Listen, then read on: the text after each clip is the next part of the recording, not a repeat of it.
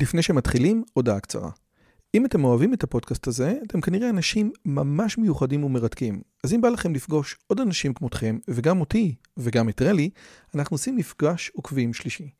ביום חמישי, בתאריך ה-9 למאי 24, בין השעות 7.5 ל-11.5, אנחנו הולכים לקיים מפגש עוקבים שלישי בבית שלי בנופים בשומרון. מה בתוכנית? מינגלין וכיבוד עם עוד עוקבים מרתקים כמוכם, הרצאה שלי, דיון לגבי הערוץ, ציור בסטודיו ובסוף קומזיץ ופיתות על הסאג'. הרשמה מראש היא חובה וניתן לעשות את זה בקישור שבתיאור הערוץ או לחפש את הלינק ביוטיוב. נשמח מאוד מאוד לראות אתכם. ועכשיו לשיחה. מה המשמעות של תקשורת בעידן הדיגיטלי ואולי בכלל בכל העידנים שעברו? איך יכול להיות שדווקא היסטוריון יכול להגיד לנו משהו על המדיה החדשה?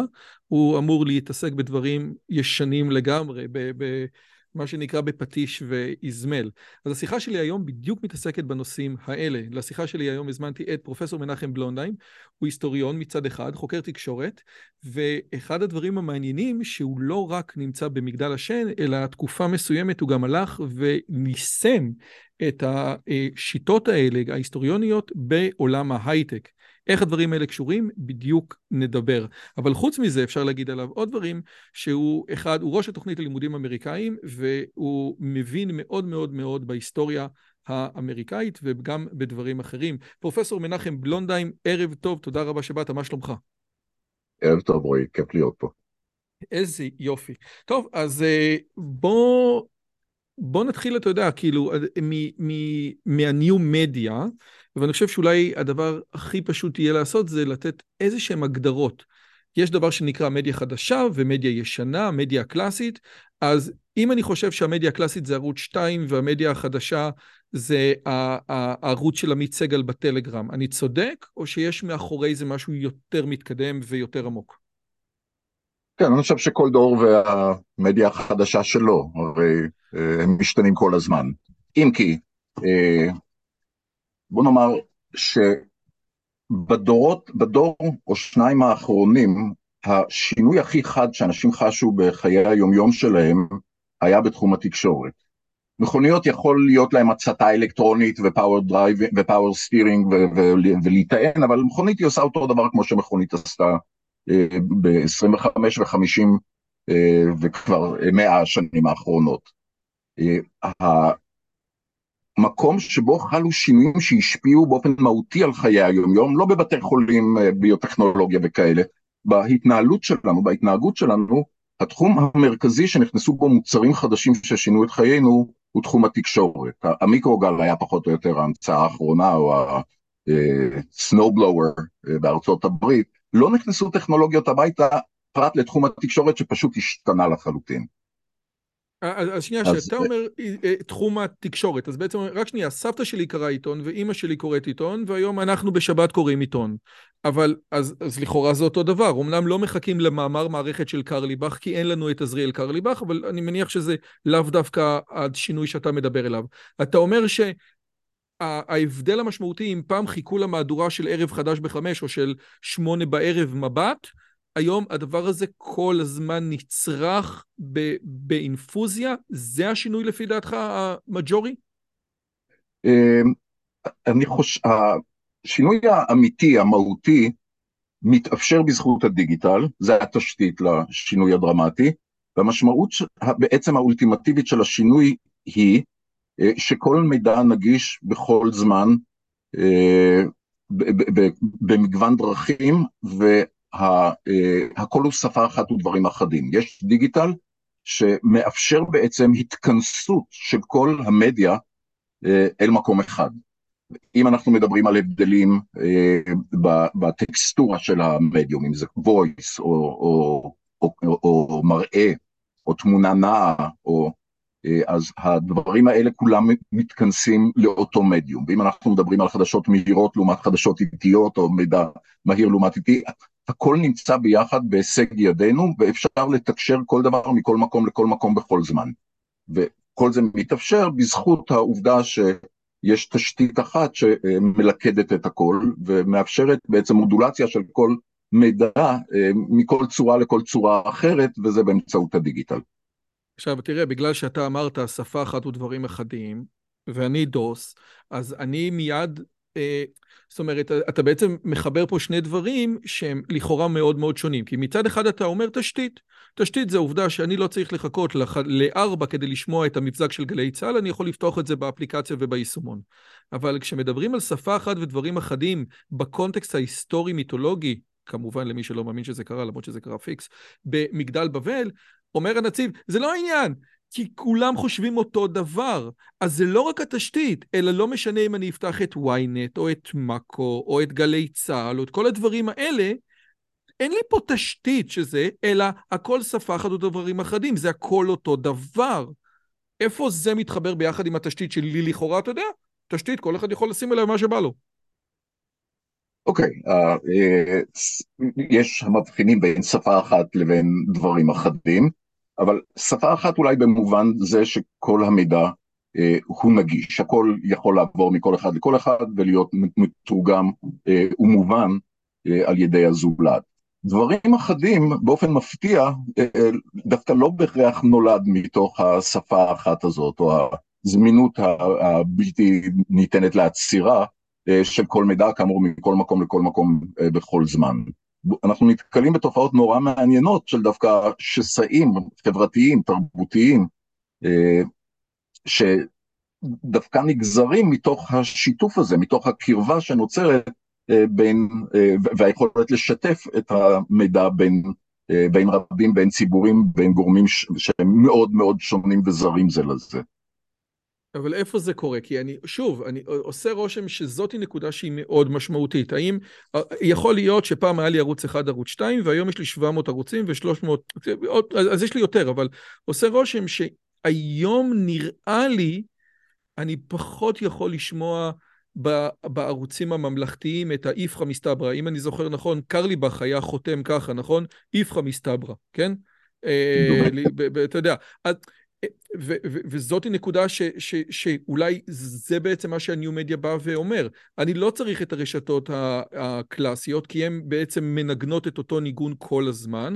אני רוצה רשתות אחרות, שכל אחד יכול לתת לי משהו אחר. אז השאלה, אתה בתור היסטוריון, האם אתה אומר שברגע זה היום יש יותר מגוון דעות, או שבגלל הטכנולוגיה מגוון הדעות הלך והצטמצם. יש לנו בדיוק איזשהו, אנחנו, מגרש המשחקים המותר של איזה דעות מותר להכניס לשיח ולא, הלך והצטמצם או הלך וגדל.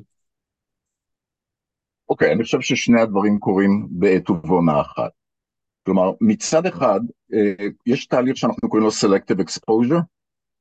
אה, פעם היית רואה, כמו שאתה אומר, ערוץ אחד או אה, קורא את מעריב שלפני הטלוויזיה, אה, וראית את, ה, את מה חושבים, את הדעות השונות. היה איזושהי תמונת עולם אחת אה, שאתה מיקמת את עצמך אה, ביחס אליה. היום זה, ואתה שומע כל מיני דעות, או איזשהו סל של אירועים ודעות שהוא מזין, את, מזין רבים. אתה ממקם את עצמך ביחס אליו. כיום יש את האפשרות שבגלל אינטליגנציה מלאכותית, בגלל הדרכים המסחריות שבהם עובדים ספקי המידע, אה, שבו כל הזמן מבינים מה אתה אוהב לצרוך, ואיפה אתה נמצא פחות או יותר בעולם האמונות והדעות, ומזינים אותך עוד ועוד ועוד באותו מידע. אז יש, אתה מוקף בהמון דעות דומות לשלך, בהמון אנשים שמביעים דעות כאלה, הם מאותו תחומי ידע שמעניינים אותך, זה העולם שאתה יוצר לעצמך, והוא הולך ונסגר אל מול אה, עולמות ידע המוניים רבים ונוספים שנמצאים שם בחוץ. מצד שני, אה, מבחינת הפוטנציאל ומבחינת היכולת, המיינסטרים אה, מדיה או הלגאסי מדיה עדיין שם, הם יכולים, הם קובעים את האג'נדה, אתה נחשף גם, אתה יכול להיחשף לדעות רחוקות, זרות, אחרות, וה... זה דווקא דבר שההיסטוריה כן אומרת לנו שהוא יכול ליצור הרבה מאוד חיכוך. אז מצד אחד אתה לא מכיר את האחר, אתה לא מכיר את דעותיו, לא מכיר את עמדותיו לעומק, כי אתה נחשף כאילו לדעות וידיעות אה, שנמצאים באופן די, שהם ממקורות שקרובים אליך, קרובים לדעתך. אה, יחד עם זה, בגלל היכולת להיחשף כן לדעות אחרות, המתח אם תרצה אה, בין ה... עולמות הידע, בין, בין העמדות השונות, עשוי להעמיק דווקא וליצור חיכוך יותר חזק מאשר בעבר, עיין ערך ארצות הברית של היום. אז תן לי רגע לראות אם הבנתי לפני שנגיע לארצות הברית של היום, שהיא באמת תמיד מקרה כיף לדבר עליו. נניח שאני שומע את מה שאתה אומר, או אחד המאזינים או הצופים יגידו, רק שנייה, על מה בלונדאי מדבר? היה לנו את פופוליטיקה, כן? בפופוליטיקה הביאו את, ה, את החרדי את הזה, נכון? טומי לפיד מביא את הנקודה הזאת, ודנקנר מביא את הנקודה הזאת, ויש את החרדי הזה, ויש את החילוני הזה, ואתה יודע, יש איזושהי שיחה שאנחנו רואים בו איזשהו market של רעיונות. ואתה אומר, הנה, אז שמה גם היה. אבל אז אתה יכול להגיד לי שני דברים. א', בסופו של דבר היה את ה... הדעות המקובלות יותר, והיה את הדעות המקובלות פחות, וידענו בדיוק, אתה יודע, מה ניסים ישאל או דן מרגלית כמנחה, אתה יודע, מה הבונטון, זה דבר אחד. והדבר השני, בסופו של דבר, לכל דעה מופרכת או מוזרה או קיצונית ככל שהייתה, היה איזשהו slot מאוד מאוד קטן. הרעיון של היוטיוב, או מי שנכנס לתוך פוקס ניוז מצד אחד, או אני לא יודע מה, ל-CNN מהצד השני, מכניס אותך לתוך echo chamber, שמי שלא רוצה בצורה מודעת לראות את, ה, את הסוגיה האחרת של, ה, אה, אה, אה, של המציאות, פשוט לא יהיה. אני יצא לי בעקבות שיחה עם תומר פרסיקו, להסתכל על הכותרות של עיתון הארץ, ואני אומר, וואו, יש אנשים שממש חושבים ככה. ואני, כמו שהוא באקו צ'מבר שלו, אני באקו צ'מבר שלי, ואלא אם כן אני בצורה מודעת הולך לעיתון הארץ, או הוא בצורה מודעת ילך, אני לא יודע מה, למקור אחר, אנחנו הולכים ונסגרים. אז מה שאתה אומר, אם אני מבין נכון, זה נכון שאני, יש לי את כל הפרשנים ואת הכל. דה פקטו, לאדם הפשוט, לא לקלמן ליבסקין, שילך ויקרא את הכל. לאדם הפשוט יש הרבה הרבה פחות פתיחות היום. אפשר להגיד את זה? אני חושב שכן, שוב, יש פה שתי צלעות. מצד אחד האקו צ'יימבר, שוב ה-selective exposure, מגביר את העולם שאני מכיר, על חשבון, כפי שתיארת בפופוליטיקה, איזשהן דעות חריגות או אחרות שפעם נחשפתי אליהן. היום, כשאני אפגש עם אותן דעות, זה יהיה שוק. זה, זה אה, פתאום ייראה כאיום בלתי רגיל, בעוד שבעבר זה היה negotiable, ראית אותם יושבים סביב אותו שולחן, אה, ובכל זאת מצליחים להידיין.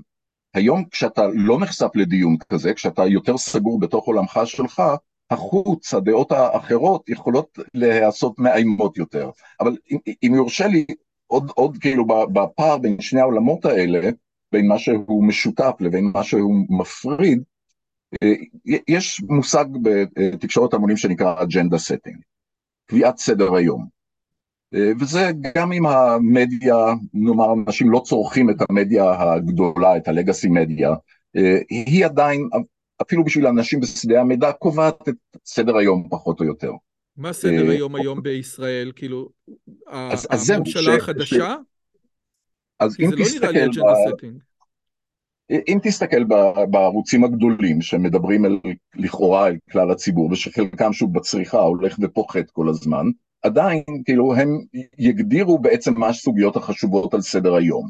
אבל בעולם המידע החדש, אה, זה יכול להיעלם. ומי שיקבע לנו, עכשיו זה מתחיל להיות מפחיד.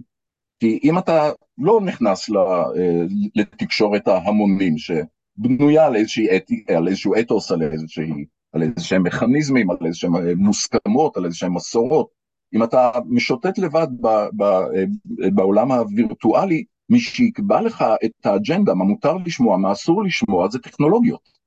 או האנשים שמפעילים אותם, האילון מאסקים של העולם, פתאום אילון מאסק מופיע ואנחנו קולטים כמה בעצם אה, היו גורמים שלכאורה חשבנו הכל פתוח, הכל אפשרי, הכל... לא, אה, אנשים הגדירו מה מותר ומה אסור, אה, מאחורי המדיה, שלא היינו חשופים לזה, אה, ויתרה מזאת, הטכנולוגיות עצמן הן אלה שמצליחות לייצר אה, על ידי כל מיני אלגוריתמים או החוכמה שהושקעה בהם, אה, הן מכתיבות בעצם את טבעם, את אופיים של, ה, של המוצרי הידע האלה שאנחנו נרכוש.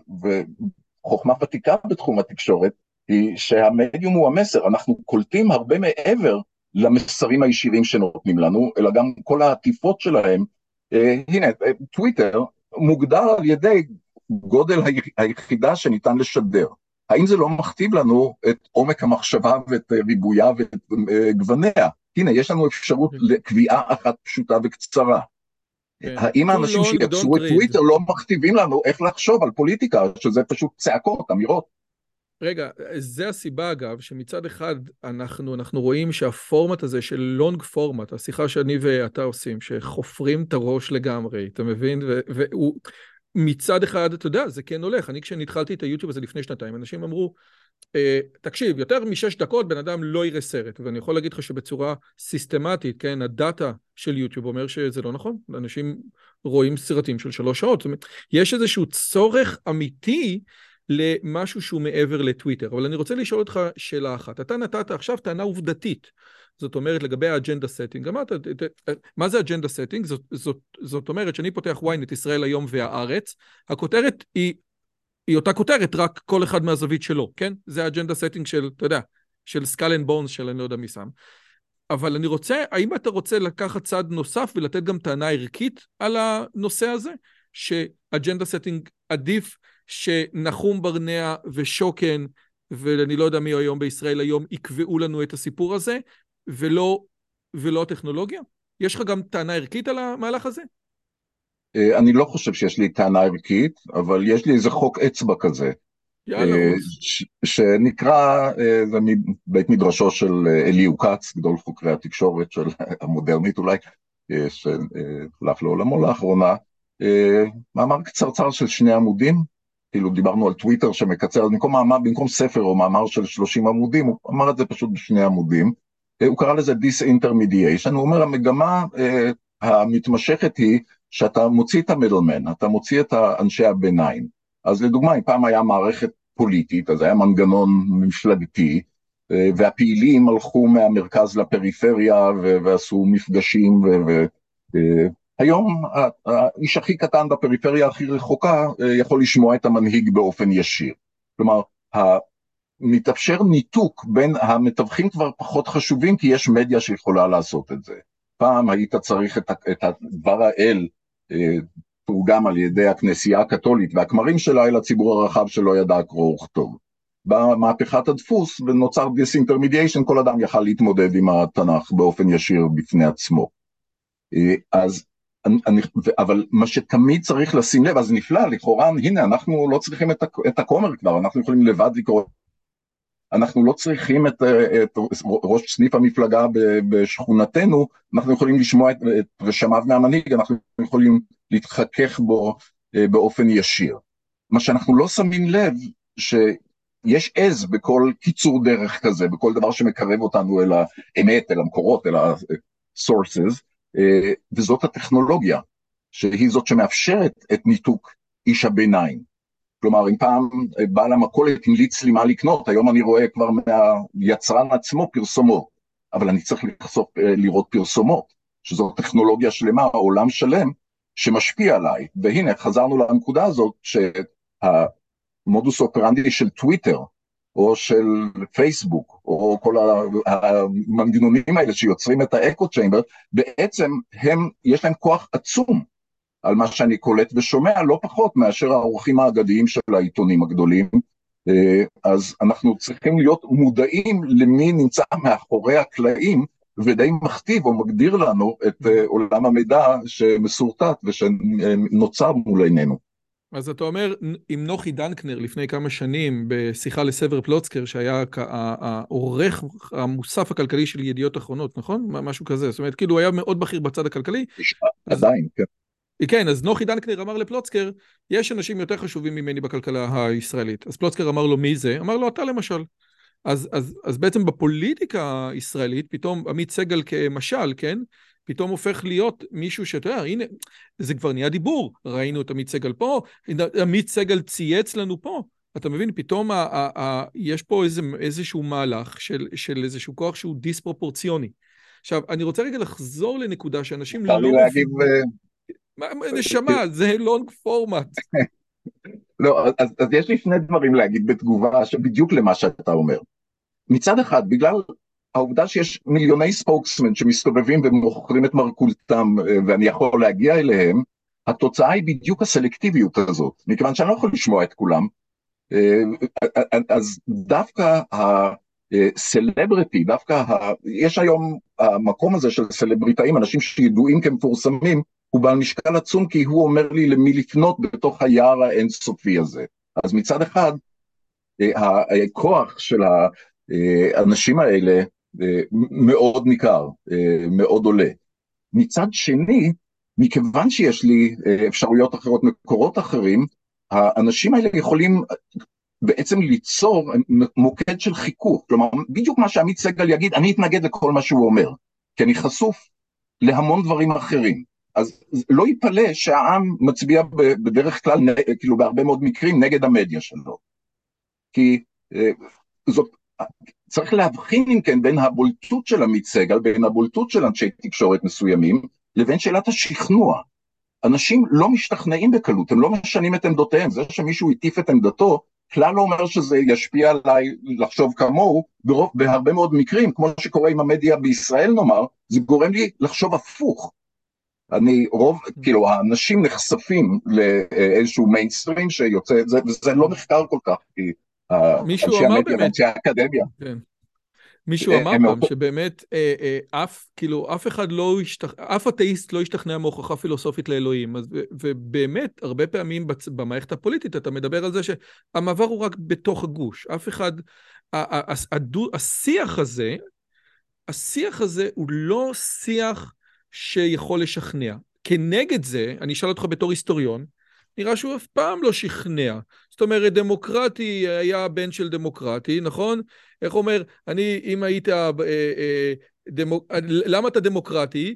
כי אבא שלי היה דמוקרטי, ומה היה קורה אם אבא שלך היה גנב סוסים? אז הייתי רפובליקן, ככה אומרים הבדיחות של הדמוקרטים, כן? זאת אומרת, אולי אף פעם הדברים האלה לא השפיעו, מכיוון שנטיות פוליטיות, אם זה רפובליקני, דמוקרטי, שמאל או ימין, כל הדברים כאלה, יש הם, נטיות שמקורן בערכים ומקורן ב, בנוירולוגיה. אנחנו יכולים להסתכל על בן אדם ולהגיד אם הוא רפובליקני או דמוקרטי בהרבה מאוד אספקטים של openness ו-conscientiousness, ואז אף פעם זה לא שכנע. אז אתה בא ואומר לי, תקשיב, היום יש צעקות, אבל תגיד לי, כמה אנחנו יודעים שאנשים שוכנעו לעבור מהמפלגה הדמוקרטית לרפובליקנית בארצות הברית שלפני 50 ו-100 שנה? כן, השכנוע ושינוי עמדות זה תהליך מאוד מאוד קשה. ההנחה, ש...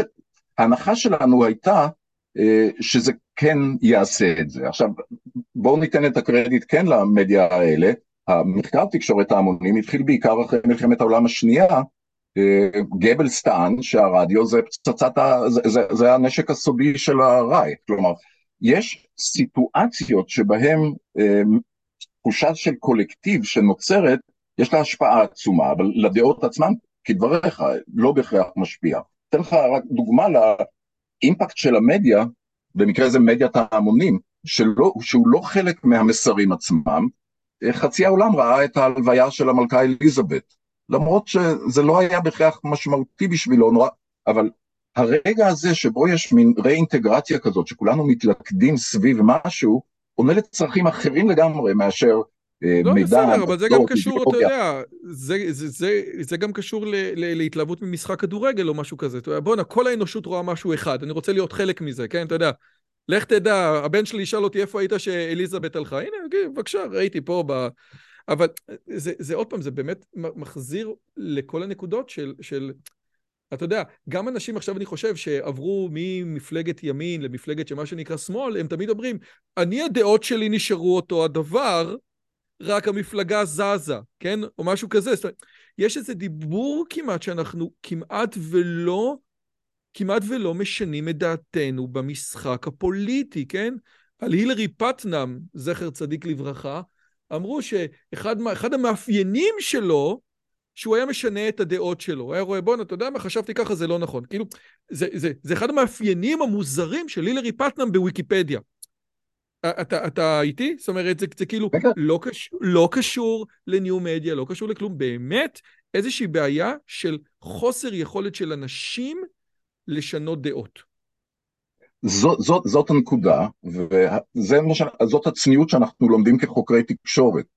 אה, יש שינויים דרמטיים במדיה, כמו שאמרתי, לא היה בדור האחרון שום תחום בחיינו, בחיי היום-יום שלנו, שהשתנה.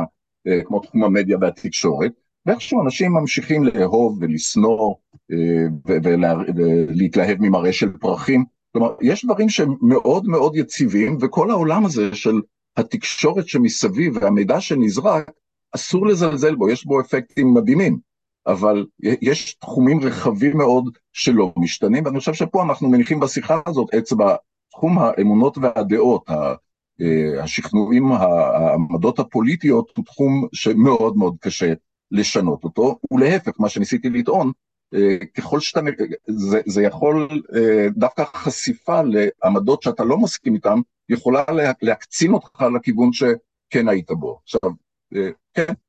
אני רוצה לשאול אותך שאלה, לפני שאני מגיע ברית, היה לי איזושהי שאלה לגבי המערכת הפוליטית הישראלית, ובבקשה תראה את זה כמו היסטוריון, אם אתה לא רוצה להכניס ראש בריא למיטה חולה. עושה רושם שהיום רוב הציבור הישראלי הוא ימני. זאת אומרת, מרכז ימין, כן? בסופו של דבר, אם אתה, אה, אה, אה, אם אתה מנטרל את הלא ביבי כן ביבי, הרי זאב אלקין, הוא זאב אלקין ומתן כהנא, כן? הם אנשים שהם ימנים. גדעון סער, אני שמעתי אותו בפה שלו, כן? אומר שהוא יותר ימין מביבי. אז רוב הציבור בישראל הוא ימני, לעומת תחילת קום המדינה, שבוודאי הוא לא היה ככה.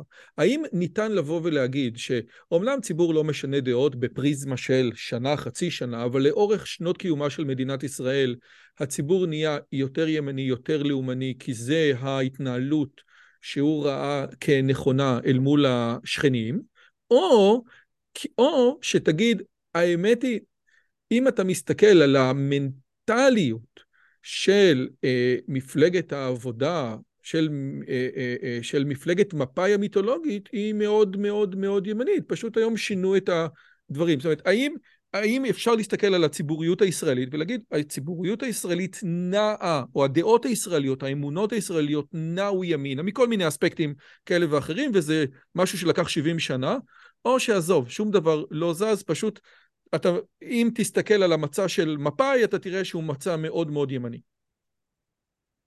אה, פה אני, אני לא באזור הנוחות שלי, ופה אנחנו כאילו מבחינתי... אז לכן, לכן, ראית איך, איך, איך, איך שאלתי בצורה עדינה, אתה מבין? לא ש...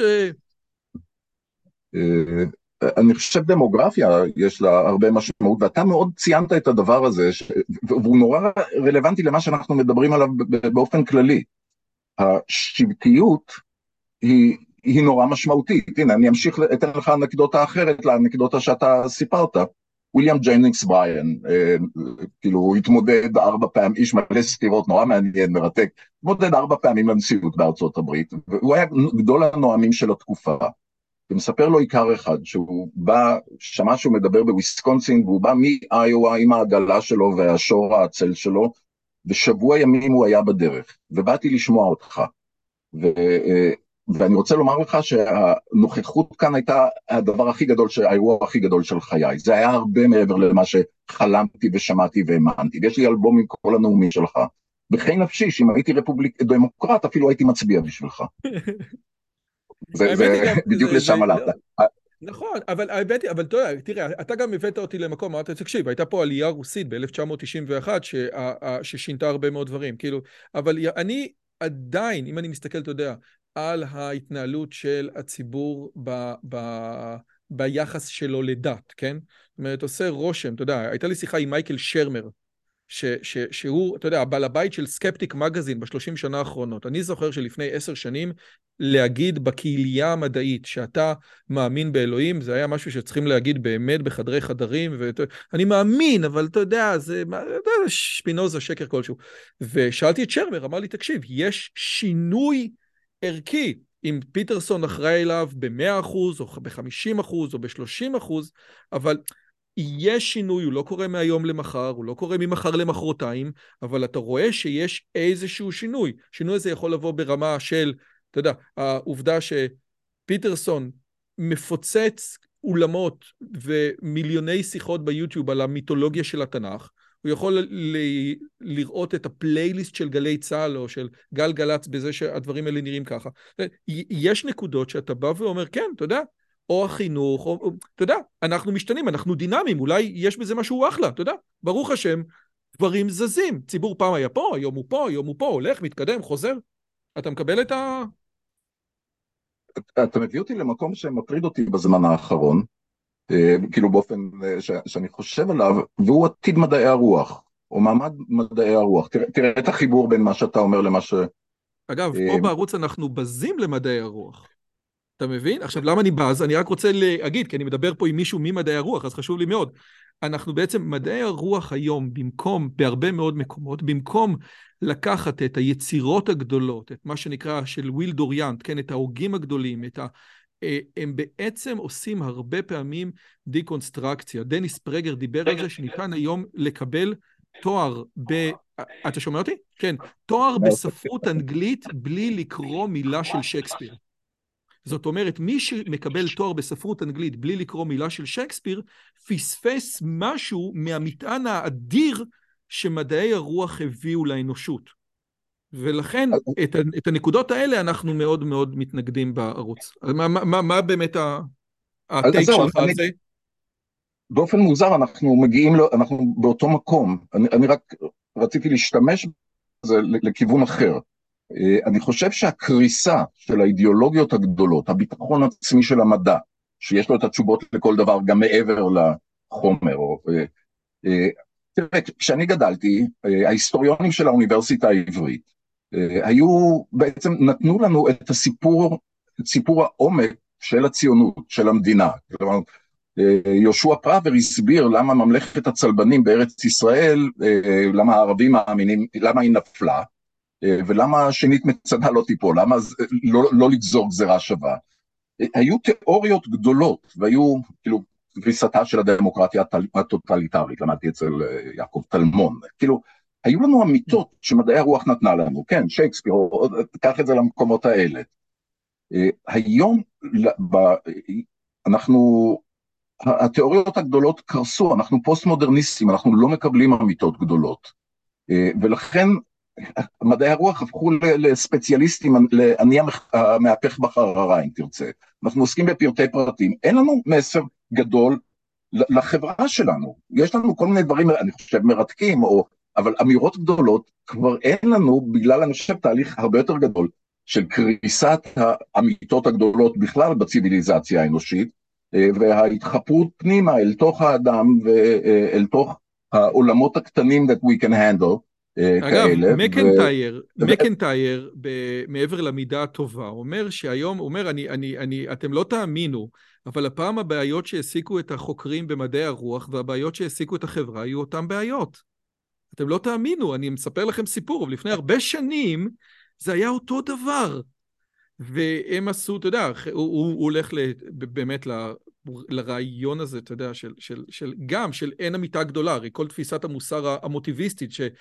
אם אני אומר זה מוסרי, זה גדול, זה מוצא חן בעיניי. אין, אין איזשהו משהו שהוא מעבר. ואמת גדולה היא באיזשהו מקום טרנסצדנטית. באיזשהו, היא, כאילו, אם היא טרנסצדנטית היא באמת גדולה, היא מעבר למה שאני עכשיו חושב. ו, וזאת נקודה מאוד מאוד מאוד מעניינת.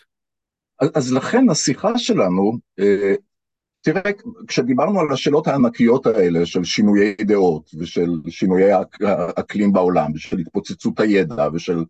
אה, אנחנו ניסינו להתמודד עם זה עם כל מיני ניתוחים אה, כדי לעמוד על זה יותר טוב. אם זה לא היה שיחת זום היינו עושים את זה באופן הרבה יותר סיסטמטי ומחושב. זה מה שאנחנו יודעים לעשות כחוקרים. אנחנו לא יודעים, אנחנו יכולים רק לנסות להתמודד, לעשות סדר אה, במה שבעולם שלנו להשתמש באינטואיציות מהעבר, לראות כאילו משתנים אה, שמשחקים. ולכן, סליחה שאני אומר... אין לנו תשובות גדולות. ולכן דווקא אותי מגניב בהקשר הזה, ואני אגיע לזה יותר מאוחר בשיחה שלנו, שהלכת להייטק, כי בהייטק אתה יודע, אתה צריך דליבר, כן? אתה לא רק ספרן, ב, או ספרן של רעיונות, כן? שמתייג לי רעיונות ישונים, אלא בהייטק אומרים, אוקיי, תקשיב, יש לך כלי עבודה, בוא, בוא תבנה לי משהו עם זה, כן?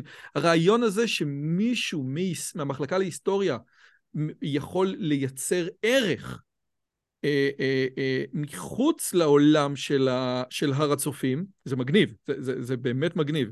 כן, קורט לוין אמר, אני מחייך, כי מה שאתה אומר ממש כמעט מתנסח כקורט לוין. קורט לוין, הפסיכולוג החברתי, אה, בעולם אה, מאוד בהביוריסטי ומאוד ניסיוני, אמר ש... אה, אין לך מכשיר שימושי יותר מאשר תיאוריה טובה. ואני חושב ששם אנחנו, אבל אנחנו במקום של תיאוריה ולא במקום של אידיאולוגיה. ואם נחזור לשאלה שלך, כפי התחילה, אה, אני חושב שאנחנו, שוב, כשאני מדבר על, על חשיבות מדעי הרוח, אנחנו נסוגונו מהמחשבה שנוכל לתת פתרון, פתרונות אה, גדולים ואמיתיים לשאלות הגדולות. אה, והשארנו את השדה הזה הרבה יותר פתוח למקומות, כמו שאמרת, טרנסצנדנטיים, אמוניים, ששם זה, את התשובות הגדולות, לא אצלנו. צודק. יש כאלה, אתה יודע, הרב אורי שרקי אומר שהרבה אנשים אומרים שהפילוסופיה התפתחה מתוך זה שאדם מסתכל על העולם. הוא אומר, אבל זה לא מדויק, הפילוסופיה התפתחה ביוון בתקופה מסוימת, אתה יודע, טלס 599 לפני הספירה בתור נקודת זמן. אומר, זה הנקודה של חורבן הבית. מהרגע שאלוהים לא מדבר בעולם, אתה צריך משהו אחר. כאילו, הפילוסופיה התחילה מתוך נקודה שהסתיימה הנבואה לפי הרב שרקי. אה, אני רוצה לשאול, אה, אני רוצה לחזור עוד פעם לניו מדיה. אה, פיטרסון אומר, כן, שהמדיה הישנה בצפון, אמר... בצפון אמריקה מתה מתחת לגיל 50. זאת אומרת, CNN פלוס הייתה אפליקציה, היו לה 40 אלף כניסות ביום, שזה זה, זה פחות מערוץ 7. ו, ו, ואף אחד לא צורך מדיה מגיל 35 בצורה של החדשות וזה. ועושה רושם שהמדיה אה, הישנה, ערוץ 2, ערוץ 2 וערוץ 10, אני לא יודע, ערוץ, ערוץ 1, עדיין, עדיין מחזיקה. למה אצלנו המדיה הישנה לא מתה, ובצפון אמריקה המדיה הישנה כן גוססת, אלא אם כן אתה חושב שהיא לא גוססת, כי יש כאלה שאומרים שג'ו רוגן כ, כ, כשדר, יש לו יותר מאזינים מכל המדיה הזאת ביחד. אוקיי, תראה, הנקודה, נתחיל מהנקודה האחרונה, אבל כן, כן נלך לשאלה שאתה שואל על ההבדל בין תרבותי שזאת, בכנות שאלה שלא ממש חשבתי עליה, כי אני אמריקניסט ולא הרבה חי בארץ, אבל לא הרבה חושב, כאילו חושב יותר על אמריקה, אבל אה, ג'ו רוגן, אנחנו צריכים להבין שמדיה היא משתנה בצורה דרמטית, כפי שאמרנו, אבל הצרכים האנושיים בצריכת מדיה לא, לג... לא נורא משתנים. אה, ולכן מה שקורה בעצם הוא שיש סביבות מדיה שהן יוצרות מיקסים שונים, הן לובשות צורה ופושטות צורה. יש כל מיני אפשרויות, ויש איזה משחק קרקבה כזה, מין לגו, שיוצר לנו את סביבת התקשורת. אז תראה, הפודקאסט הופיע לפני 20 שנה, אה, אנחנו בז'אנר הזה פחות או יותר, נכון. רק עכשיו אנחנו מתחילים אה, לחקור אותו, מה מקומו לצד מדיה אחרות. אז פעם ידענו, היה חוק אצבע כזה של fast news ו-slow news, היה את העיתונים, שהם היו החדשות המהירות, אה, והיה לייף, טיים, מגזינים, שבועונים, חודשונים, שהיה להם צריכה ענקית. reader digest, מה שנקרא. reader digest, לגמרי. אז, אז רוגן, אז צריך במפת התקשורת החדשה, לראות איזה צרכים מספק ג'ו רוגן בצורה אה, יפה, ולכן, שוב, ללייף היו כמובן הרבה יותר אה, צופים, אה, קוראים, רגע, רגע, שנייה, רגע, רגע, רגע, מנחם. רגע, רגע, שנייה, מנחם, אבל אתה, סליחה שאני אומר, אתה, אתה, אתה, אתה קצת אונס את המציאות. אתה אומר, תקשיב, היה כזה, כזה וכזה, בוא נראה איך אני דוחף את רוגן לאחד מהדברים. אולי, אולי אי אפשר לדחוף אותו לאחד מהדברים, אולי נוצר פה איזה משהו חדש, לגמרי, של מי היה מאמין שבן אדם יכול, אתה יודע, אלכס פרידמן יושב שלוש שעות על שיחות, אתה יודע, באמת שיחות שהיית אומר, אין מצב שמישהו ישמע כזה דבר. אין מצב. זה לא סלואו, זה, זה משהו אחר. יש פה איזה משהו ש... מי האמין כזה דבר שיקרה? אתה מקבל, כאילו, אתה אומר לי, בוא נראה איפה הוא שייך. זה לא נראה לי... אה, יש דבר שיאמר, הנה איזה חדש הוא כבר היה לעולמים, זה לא מה שאני אומר.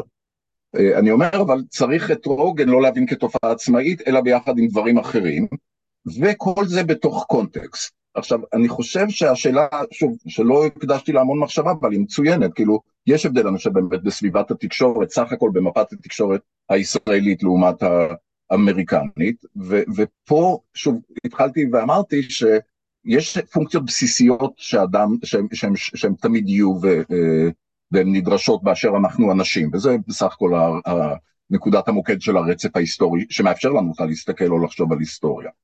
אז כשאנחנו חושבים על הפונקציות של המדיה עבור אנשים, הגורם מספר אחד זה surveillance. זה תיאוריה, זה מתיאוריית היסוד של חקר התקשורת, התיאוריה הפונקציונלית, מיוזהיים ווייט. כשאתה אומר סורבליאנס, למה אתה מתכוון? אנחנו צריכים מישהו שיעזור לנו לסרוק את הסביבה כדי לזהות סכנות, כדי לזהות הזדמנויות, פשוט כדי לדעת מה קורה מסביבנו, מה שאנחנו לא רואים בעינינו שלנו, אז בשביל זה יש תקשורת, כאילו יש תקשורת שיכולה לעשות את זה בשבילנו, כל מיני כתבים שפוקחים עיניים אה, על העולם. עדכון תנועה קונספטואלי של העולם שבו אנחנו חיים. מה שאתה אומר משלב עוד פונקציה שהיא ה-correlation. surveillance זה לדעת מה קורה, correlation זה לחבר את זה ביחד וליצור תמונת עולם. אה, ולחבר את הדברים למה שאנחנו מכירים, להגיד מה חדש, אה, אבל בישראל אני חושב עדיין, אה, אנחנו, אנחנו צריכים הרבה יותר את הפונקציה הזאת של ה-surveillance. אנחנו חיים, רמות הסכנה היומיומית והדינמיות וה... הם, הם, הם מאוד גבוה, הם עדיין יותר גבוהות מארצות הברית, ולכן אנחנו צריכים יותר יד על הדופק, והמדיה עוזרת לנו בפונקציה הזאת. אבל אני חושב שמעבר לזה, ופה אנחנו נכנסים לשאלות הכי מעניינות, על, ארצות, על מהי ארצות הברית ועל ישראל, אני חושב שעדיין יש בארץ קוהסיביות יותר עמוקה. יש לנו מכנים משותפים יותר חזקים, ובגלל שדווקא אנחנו מודעים, מודעים למגוון, אנחנו כן רוצים לראות משהו, מין קורלציה כזאת, correlation, לראות את התמונה השלמה ולראות את מה שאחרים רואים. אני לא מרגיש כאילו על פלנטה אחרת לבד, כפי שאני יכול להרגיש בחווה באיואה או בגטו בעיר בצפון המזרח בארצות הברית. אני עדיין, הקולקטיב אני חושב אצלנו, הקולקטיב, יסולט לי להשתמש במילה הלאומי, הוא, הוא, הוא יותר משמעותי. יופי, אנשים בעברית צריכים להתנצל כשהם אומרים לאומי, יופי, יופי, בטח ברגמן שמח מקברו עכשיו, פחד פחדים. רגע, אז אני רוצה להבין, בגלל שהדברים האלה קריטיים. כשאנחנו מסתכלים על חדשות אמריקאיות, אז יש לנו את ה-Fox News מצד אחד ואת ה-CNN מהצד השני, אבל הן חדשות פן-אמריקאיות לכולם. כאשר אני נמצא במדינה מסוימת, יש לי את החדשות של המדינה הזאת, נכון? כשאנחנו אומרים מה קורה באמריקה, אתה פותח CNN, או, או את המקבילה הפחות אנטישמית שלו. אבל, אבל השאלה היא, האם הציבור, האם אותו חוואי באיואה הוא צרכן של CNN, או שהוא צרכן של ה-local news, כי אין לנו דבר כזה, זאת אומרת, יש טיפה, אבל אף אחד לא באמת רואה local news בישראל. אתה מקבל את זה? אני חושב שהנקודה שאני מנסה לעשות היא שהקולקטיב, או, או הלאום, סליחה, בארץ, אני אומר את זה בציניות כמובן, כן. הקולקטיב הוא הרבה יותר משמעותי, ולכן הרצון שלי לדעת מה אחרים רואים, או מה קורה בישות הישראלית, שוב, גם מסיבות של, של צורך, של uh, צורך קיומי, אבל גם מסיבות של תחושה של uh, מעורבות או הזדהות יותר עמוקה, אני חושב שזה אולי מסביר חלק מהעניין, יכול להיות שאני טועה לחלוטין, אבל כן, נדמה לי ש... Uh, שוב, האינדיבידואליזם זה המייחד את אמריקה, ובאיזשהו שלב, ברגע שהקהילה נפרצה, הקהילה המקומית, יש פחות אני חושב חשיבות לאנשים מה קורה במקומות אחרים בארצות הברית, מה קורה לאמריקנים אחרים, אני חושב עדיין התחושה של, אה, של קולקטיב, של ערבות הדדית, של זיקה בין אנשים בארץ יותר גבוהה, ולכן הרציונל של מאס מידיה, של כלי תקשורת לאומיים, אולי פה הוא קצת יותר חזק. רגע, אז מה שאתה אומר זה כאילו ממה נפשך? אם אתה דמוקרט, גם ככה אתה אינדיבידואליסט, לא אכפת לך מאף אחד, אתה לא תראה שום דבר, זה לא מעניין אותך מה קורה בצד השני, אלא אם כן זה בעיראק. אם אתה רפובליקני, גם ככה מה שמעניין אותך זה ברמת הקהילה, אז גם ככה יש לך יותר, אה, אה, אתה יותר inclined ללכת ל-local news. בישראל זה משהו מוזר, כי האנשים שיקראו את העיתון ממש בדקדוקי של כל אות, לא יקראו את הביטאון של קריית אונו, כי, כי לא אכפת לי מה קורה בעיר, כן? זאת אומרת, אנחנו לא, אין לנו עניי עירך קודמים, אנחנו קודם כל רוצים לדעת מה קורה במדינה. כמה עלתה הכנרת, כן? יש פה איזה משהו כזה, נכון? איך, באתר של הכנרת אומרים שזה לא האגם הכי יפה, לא האגם הכי גדול, שום דבר. רק זה האגם שהכי הרבה אנשים בעולם מתעניינים בכמה הוא עלה בדיוק באיזה סנטימטר. נכון? אז זה ה... כאילו כל ישראל זה local news אחד גדול. בדיוק, ויש לך כמה, 900 אלף עוקבים אחרי מה קורה במשפט זדורוב? כלומר, האג'נדה היא עדיין לאומית, אני חושב שבאמריקה, אני חושב שזה חלק מה... זה סיפור משמעותי מה שקורה שם, אתה צמחוני, טרנסג'נדר, שמתעניין בסוג מסוים של מטאל, שם, שם אתה תהיה, אתה תעקוב אחרי האתרים האלה, אחרי הנושאים האלה שמעניינים אותך באופן אישי.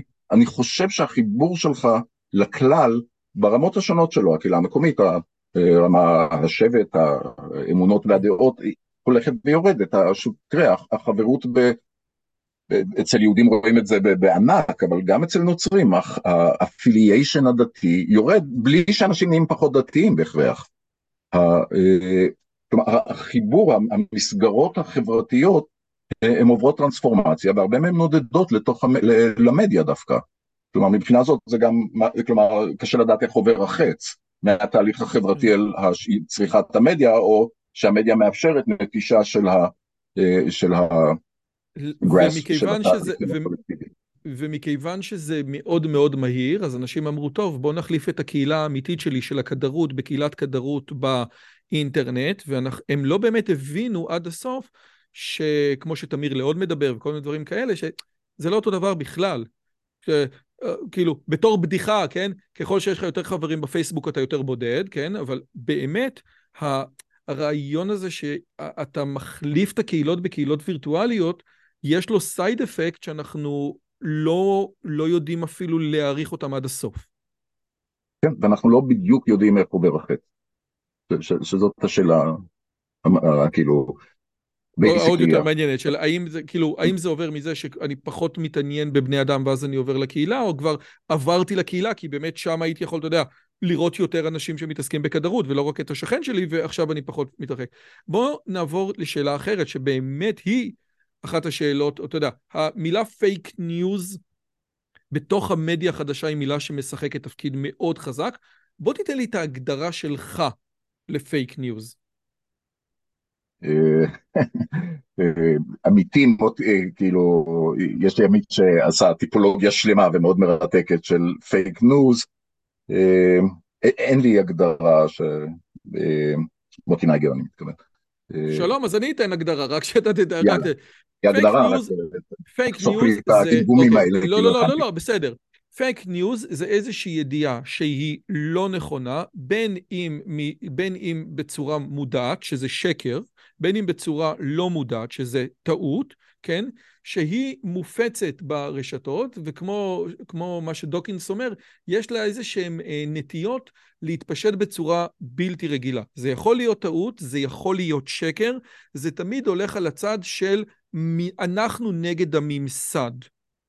או כמעט תמיד הולך ענק, כאילו fake news הולך, אה, אה, אה, הממסד אומר לך חיסונים זה טוב, fake news חיסונים לא טוב. הממסד אומר לך נחתנו על הירח, אה, לא נחתנו על הירח, כן? כאילו, משהו כזה. סתם, הגדרה שאני עכשיו המצאתי, אל, אתה יודע, אתה לא... לא... אבל בסדר, אתה זורם איתה? בסדר, אם כי, אז יש לי שני מחשבות ראשונות על זה, כאילו, כאילו בתגובה למה שאמרת. אחד, זה שכבר היה לעולמים, זה כבר היה, תכף אני אתן על זה קצת אה, יותר בשר. הדבר השני, נדמה לי שעוד אלמנט שצריך להוסיף להגדרה, והוא נוגע למשהו חשוב שדיברנו עליו קודם, אה, ב fake news מנסים, יש כל מיני שקרים או המצאות או קונספירציות שמציגים אותם כאילו ממקורות מוסמכים, כאילו יוצרים כאילו דף של עיתון, כאילו זה באמת הופיע. אחד שיודע, שם. אחד שיודע. אחד שיודע, כן. אה, או דעה לא פופולרית, דלאפ שזה כן. הרי בדיוק ההפך, אתה מנסה להגיד. אה, בגלל השפע האינסופי של המידע, ריבוי האפשרויות המטורף הזה של להשיג מידע, אה, אנחנו הולכים ומזדקקים יותר ויותר למקורות של סמכות, כמו שדיברת על עמית סגל, כמו ש... כלומר, דווקא ריבוי המקורות מביא בעצם להתנקזות שלנו, אני בסופו של דבר כשאני שומע משהו קצת נשמע מדהים, או זה אני נכנס ל-AP, אה, AP News, או אם זה עולמי, או, או בכל זאת ל-ynet, או מה, כאילו לדעת מה, האם זה באמת נכון, זאת אומרת, דווקא הווריפיקציה בעידן של fake news הופכת יותר ויותר חשובה ונותנת בעצם משקל בדיוק לה, אה, להיפוך של אותן דעות אלטרנטיביות או אנטי ממסדיות אה, וכיוצא בזה. אז בוא תיתן לי להביא לך את התיאוריה שלי על הסיפור הזה, והתיאוריה שלי הולכת ככה, האמת היא זה גם אה, משהו שדיברתי עם אה, שי רוזמן, שהוא העורך של הערוץ. אגב, אה, מי שאם לא אמרתי, אנחנו הפעם משדרים מתוך מעבדת KCG, המעבדה לקינמטיקה וגיאומטריה חישובית באוניברסיטת אריאל, שאנחנו עושים פה רחפנים, עושים פה רחפנים, באמת דברים מגניבים לאללה, אז זה פה עושים דברים לא מדעי הרוח, כן? דברים פה עפים באמת. אז הרעיון הוא כזה, פייק ניוז... פייק ניוז היום הוא הרבה הרבה פחות משמעותי ממה שהיה פעם. כי אם פעם היה לי רק את הניו יורק טיימס, והניו יורק טיימס היה יכול להגיד מה שהוא רוצה, ולא היה אף מקום אחר שיכול לבוא ולהגיד, תקשיב, אתה מחרטט וזה אג'נדה, היום יש לי את האפשרות הזו. זאת אומרת, אם פעם, כאשר, אה, אה, סתם דוגמה של שעיה, כריש נשך את הירד בסיני, והעיתון הרשמי של מצרים אמר, זה המוסד הביא אותו, והמוסד אימן אותו, ו- וזה היה הדעה, זה היה הדעה של המפלגה, כן? הדעה של המפלגה. היום בן אדם שיש לו אינטרנט פותח את זה, פותח את זה, רואה שאי אפשר לאמן כרישים, או שלא עשינו את זה, או שכן עשינו את זה, ובעצם דווקא היום אנחנו יכולים, יש לנו הרבה יותר אפשרויות להתמודד מול או נגד פייק ניוז.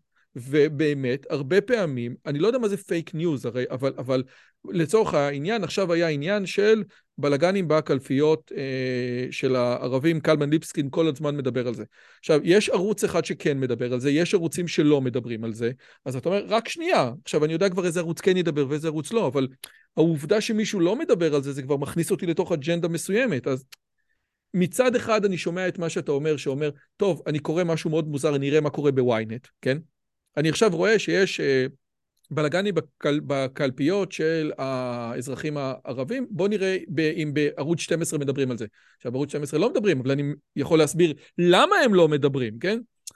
ו, וזה באמת איזשהו משהו מאוד מאוד מאוד קריטי, כי אני רואה הרבה פעמים פייק ניוז שמגיע גם מצד הערוצים הגדולים, מהערוצים הממלכתיים, מוויינט, כמו שדיברתי איתך קודם, Roe versus Wade. העובדה שבכל הערוצים ובכל כלי התקשורת הממסדיים היה ברור ש Roe versus Wade זה שבית המשפט העליון אסר הפלות בארצות הברית, למרות שזה לא נכון. בית המשפט העליון אמר שהוא לא מתערב ושכל מדינה תחליט מה שהוא רוצה, מה שהיא רוצה.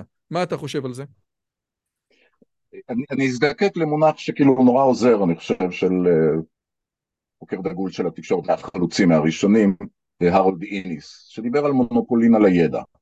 שמכיוון שהוא היה איש חכם, הוא דיבר לא רק על כוח של גורמים להכתיב את האינפורמציה שהציבור מקבל, אלא גם את המבחר של הטכנולוגיות ואת השליטה בהם, אה, שמעצבת, כפי שדיברנו קודם, הרבה מהאפקטים של, של הידע, של המידע.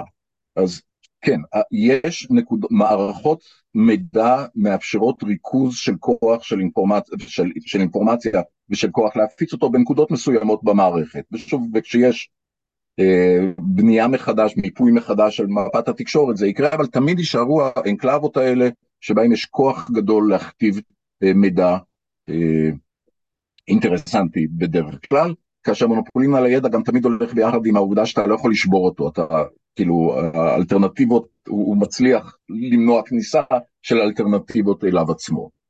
אז כן, אז אה, במערכות, במערכות תקשורת לאומיות, מקומיות, חברתיות, יהיו מונופולין על הידע, אה, יהיו את הדעות שיישמעו, שיחשבו מיינסטרים, אה, ויש בזה כמובן, זה, זה כמובן מונע התפתחות, זה כמובן מקפיא את החברה, זה מונע איזונים, זה מונע התלבטות, יש בזה רעות חולות גדולות.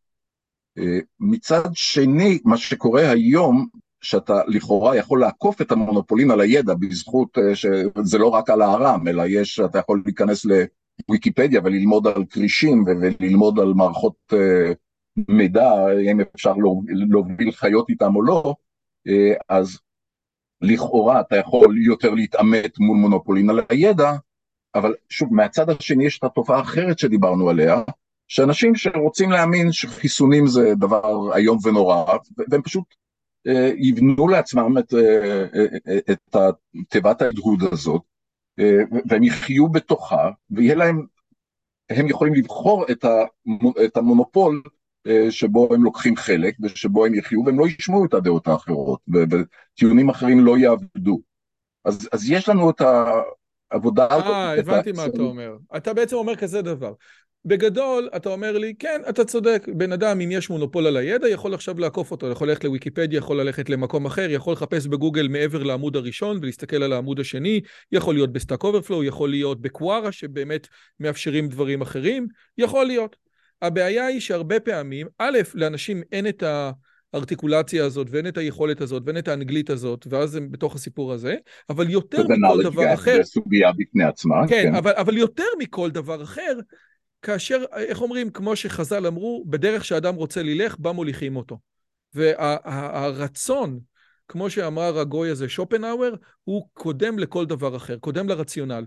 ואז כשבן אדם רוצה לדעת שאין, אה, שחיסונים זה דבר שמזיק, אז לא משנה מה יקרה, ולא, והוא לא ייתן לעובדות לבלבל אותו. ואז בגלל המדיה החדשה, אנשים כאלה שגם ככה יש להם inclination, נטייה, לקונספירציות ולדברים כאלה, מצליחים להיכנס, זאת אומרת, יש לי פה איזה, איזשהו תשתית שמאפשרת מצד אחד עבור האדם המשכיל והחכם והשקול למחלה, כן. למחוק, בעצם לבוא ולהגיד, אני לא קונה את ה-Roe vs. Wade, וסתם ערוץ 12 מחרטט, והעובדה שכל פעם שאתה יודע, הרי ברור לי לגמרי שאם אני אקרא משהו על האגודה הלהט"בית במאקו, אני יודע כבר לאן, ה, לאן הכתבה תלך, כן?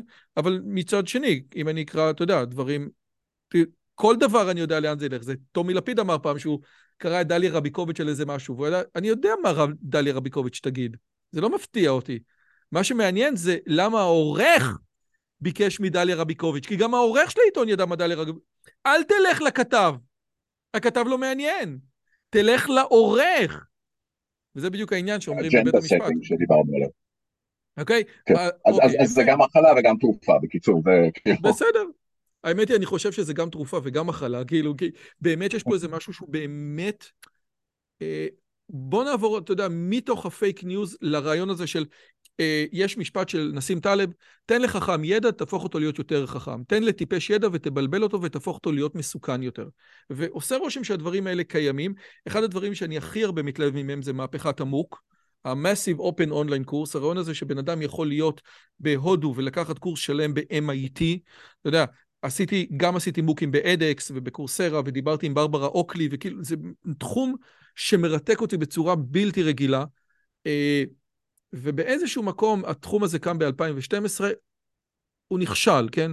דפני קולר מדברת על זה, המוקים לא החליפו את האוניברסיטאות, אנחנו לא רואים את הטירוף המוחלט. MIT, OpenCourseWare עושים עבודה מדהימה, אבל זה לא שם.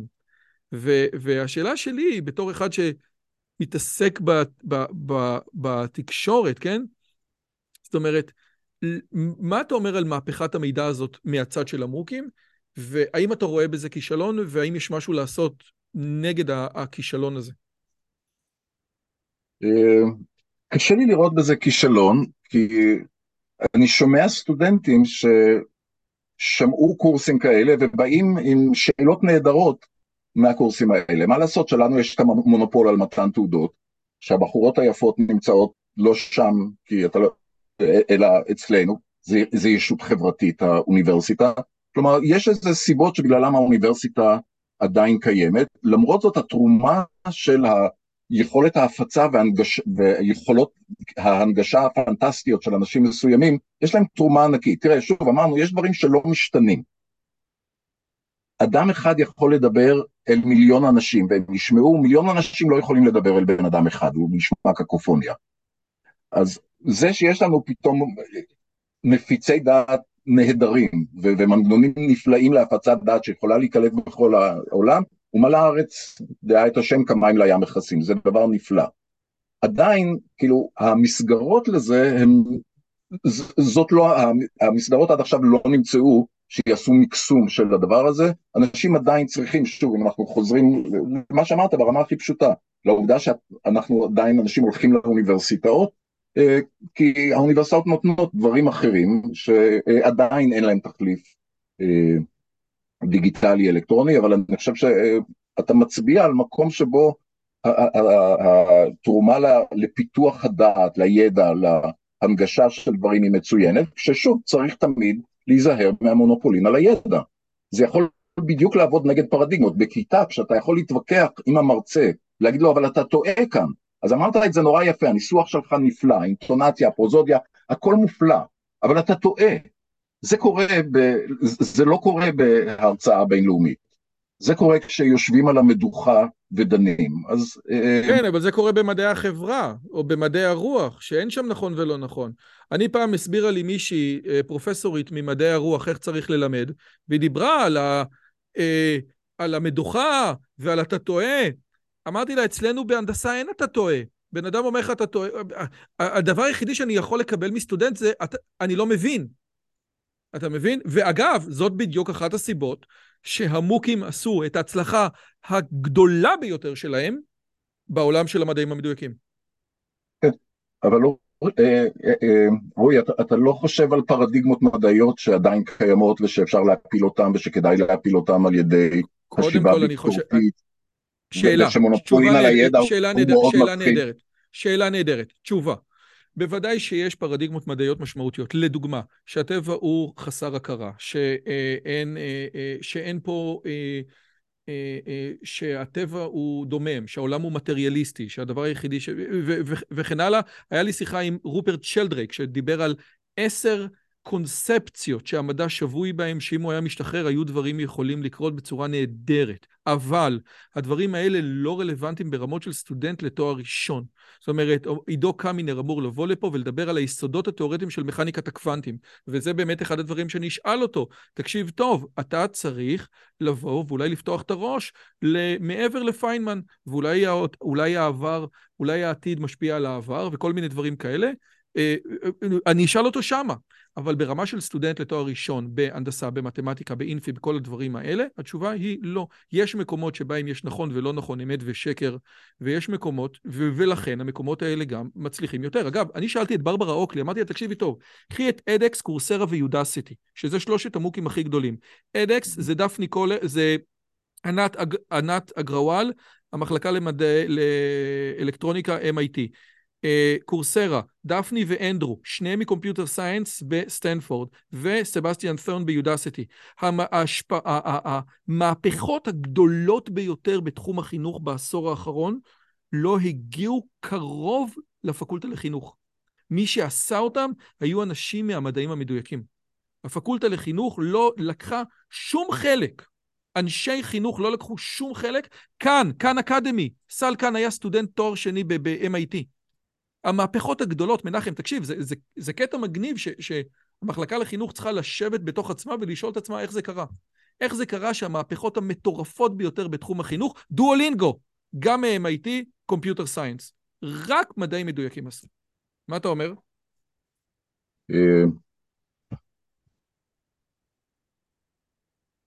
נורא מעניין אותי מה שאתה אומר על הפער הזה בין איפה הייתם? איפה הייתם? לא, בין, תראה, קודם כל יש scholarship gap, אז אנשים שהולכים ועושים, עד שיחקרו את המשמעויות ואת הזה, אבל כולם היו חוקרים, אבל סבסטיאן, אבל כולם היו חוקרים ב-MIT, כולם היו חוקרים. דפני היא פרופסור במשרה מלאה, אבל יש משהו במדעים המדויקים, באקזקט סייאנס, שיצר את מהפכת החינוך הגדולה ביותר של תחילת המאה ה-21, שלא יהיה לו שום קשר לפקולטה לחינוך, והפקולטה לחינוך תצטרך לתת על זה את הדין ב- באחד מן הימים. רועי, גם כל הרוסולוגים, אף אחד מהם לא צפה את נפילת המשטר הקומוניסטי ואת... אה, אה, לא, בסדר, נכון, יפה. יש לנו בהחלט כישלונות וצריך לתת, ובמדעי הטבע זה הרבה יותר ברור, הרבה יותר חד, הרבה יותר מדויק, או שהניסוי עובד או שהניסוי נכשל. אה, בתחומים האחרים בחיי האדם, וזה קצת, זה יותר מורכב, בתחומים החברתיים ובתחומים של עולם הדת. אה, אני חושב כאילו, יש היבטים ויש, החינוך הוא לא תחום פשוט, הוא בכל זאת מורכב. אה, לדעתי, יש תחומים שבהם יש פתר... פתרונות חדשים נהדרים, מצוינים. כן, ללמוד סטטיסטיקה, אה, אין, לא יהיו שם הפתעות גדולות. ו... רגע, שנייה, תן לי לעצור. סטטיסטיקה, אני למדתי אה, אצל עמוס טברסקי, שהוא היה שותפו של דני כהנמן אה, לכל המחקרים הראשונים. וואו, בוא'נה, נו, אז רגע, אז אתה יודע, מייקל לואיס עוד לא היה אצלי, כי מייקל לואיס כתב ספר על עמוס, אז תספר לי איזה סיפור עמוס אחד. לכל אחד שאני מדבר איתו על עמוס, אני אומר לו, תספר לי סיפור עמוס אחד. לא, אז אני מספר לך את השורה התחתונה, שבדיוק לענייננו, אה, רציתי להגיד שסטטיסטיקה באמת, לך למורה הכי טוב בעולם, והוא ילמד אותך שונות או את מה שצריך, ולמה תשב עם איזה מישהו מגמגם ושאין לו יכולות דידקטיות בה. אצל עמוס, הקורס הכי מעניין שלי באוניברסיטה העברית בתואר הראשון היה, אה, למדתי פסיכולוגיה והיסטוריה, היה דווקא סטטיסט, מבוא לסטטיסטיקה, עמוס טברסקי לימד את הקורס, אה, והייתה מתרגלת שלימדה את התרגולים. המתרגלת לימדה אותנו סטטיסטיקה, עמוס טברסקי נתן קורס על פילוסופיה של המדע, כי כאיש מדעי החברה, basically מה שהוא אמר זה סטטיסטיקה, זה האידיאולוגיה של מדעי החברה, ככה אנחנו כאילו מבינים חברה, מנתחים חברה, בלקר וכיוצא בזה, וזה היה basically, זה היה השיעור הכי מבריק שאפשר להעלות על הדעת בפילוסופיה של מדעי החברה. אז זה הסיפור, זה, אז זה, מה, זה מה, מה, אז מה המסר? דווקא הפוך. אז המסר זה שאם אין לי את הדבר הזה, הרי רוב האנשים, מנחם, אתה יודע שהחוויות שלהם מהקורס בסטטיסטיקה הם בכלל לא מה שאתה מתאר, נכון? נכון אתה מסכים, אנחנו לא... לכן אני אומר, בוא נשתמש בקורסרה. הלכת, הלכת, אתה יודע, הרי על, עמוס טברסקי אמרו שעשו מבחן איי-קיו, עמוס טברסי, אתה מכיר את זה? מייקל לואיס כתב את זה בספר שלו על עמוס טברסקי. מבחן האיי-קיו זה שאתה צריך, כמה זמן לוקח לך להבין שעמוס טברסקי יותר חכם ממך.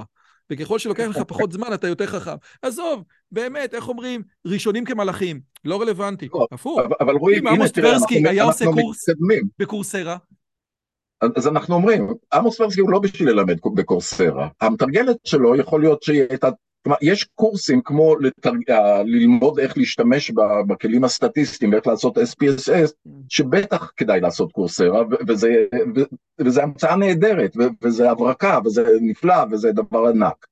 יש דברים כמו לשבת במייזר א', אני לא זוכר איפה למדנו, ולשמוע את עמוס טברסקי ולחשוב ולחשוב ולחשוב ולשאול ולהציע עמדה אחרת, כלומר אין פתרון אחד, one size doesn't fit all. כן, ולכן... אבל, אבל עוד משהו, אתה עוד פעם לא הוגן, כי אתה באמת זכית בצורה בלתי רגילה. באמת, זכית, ברוך השם, דבר גדול. חגית עופרן, אני, אני אתן לך איזשהו...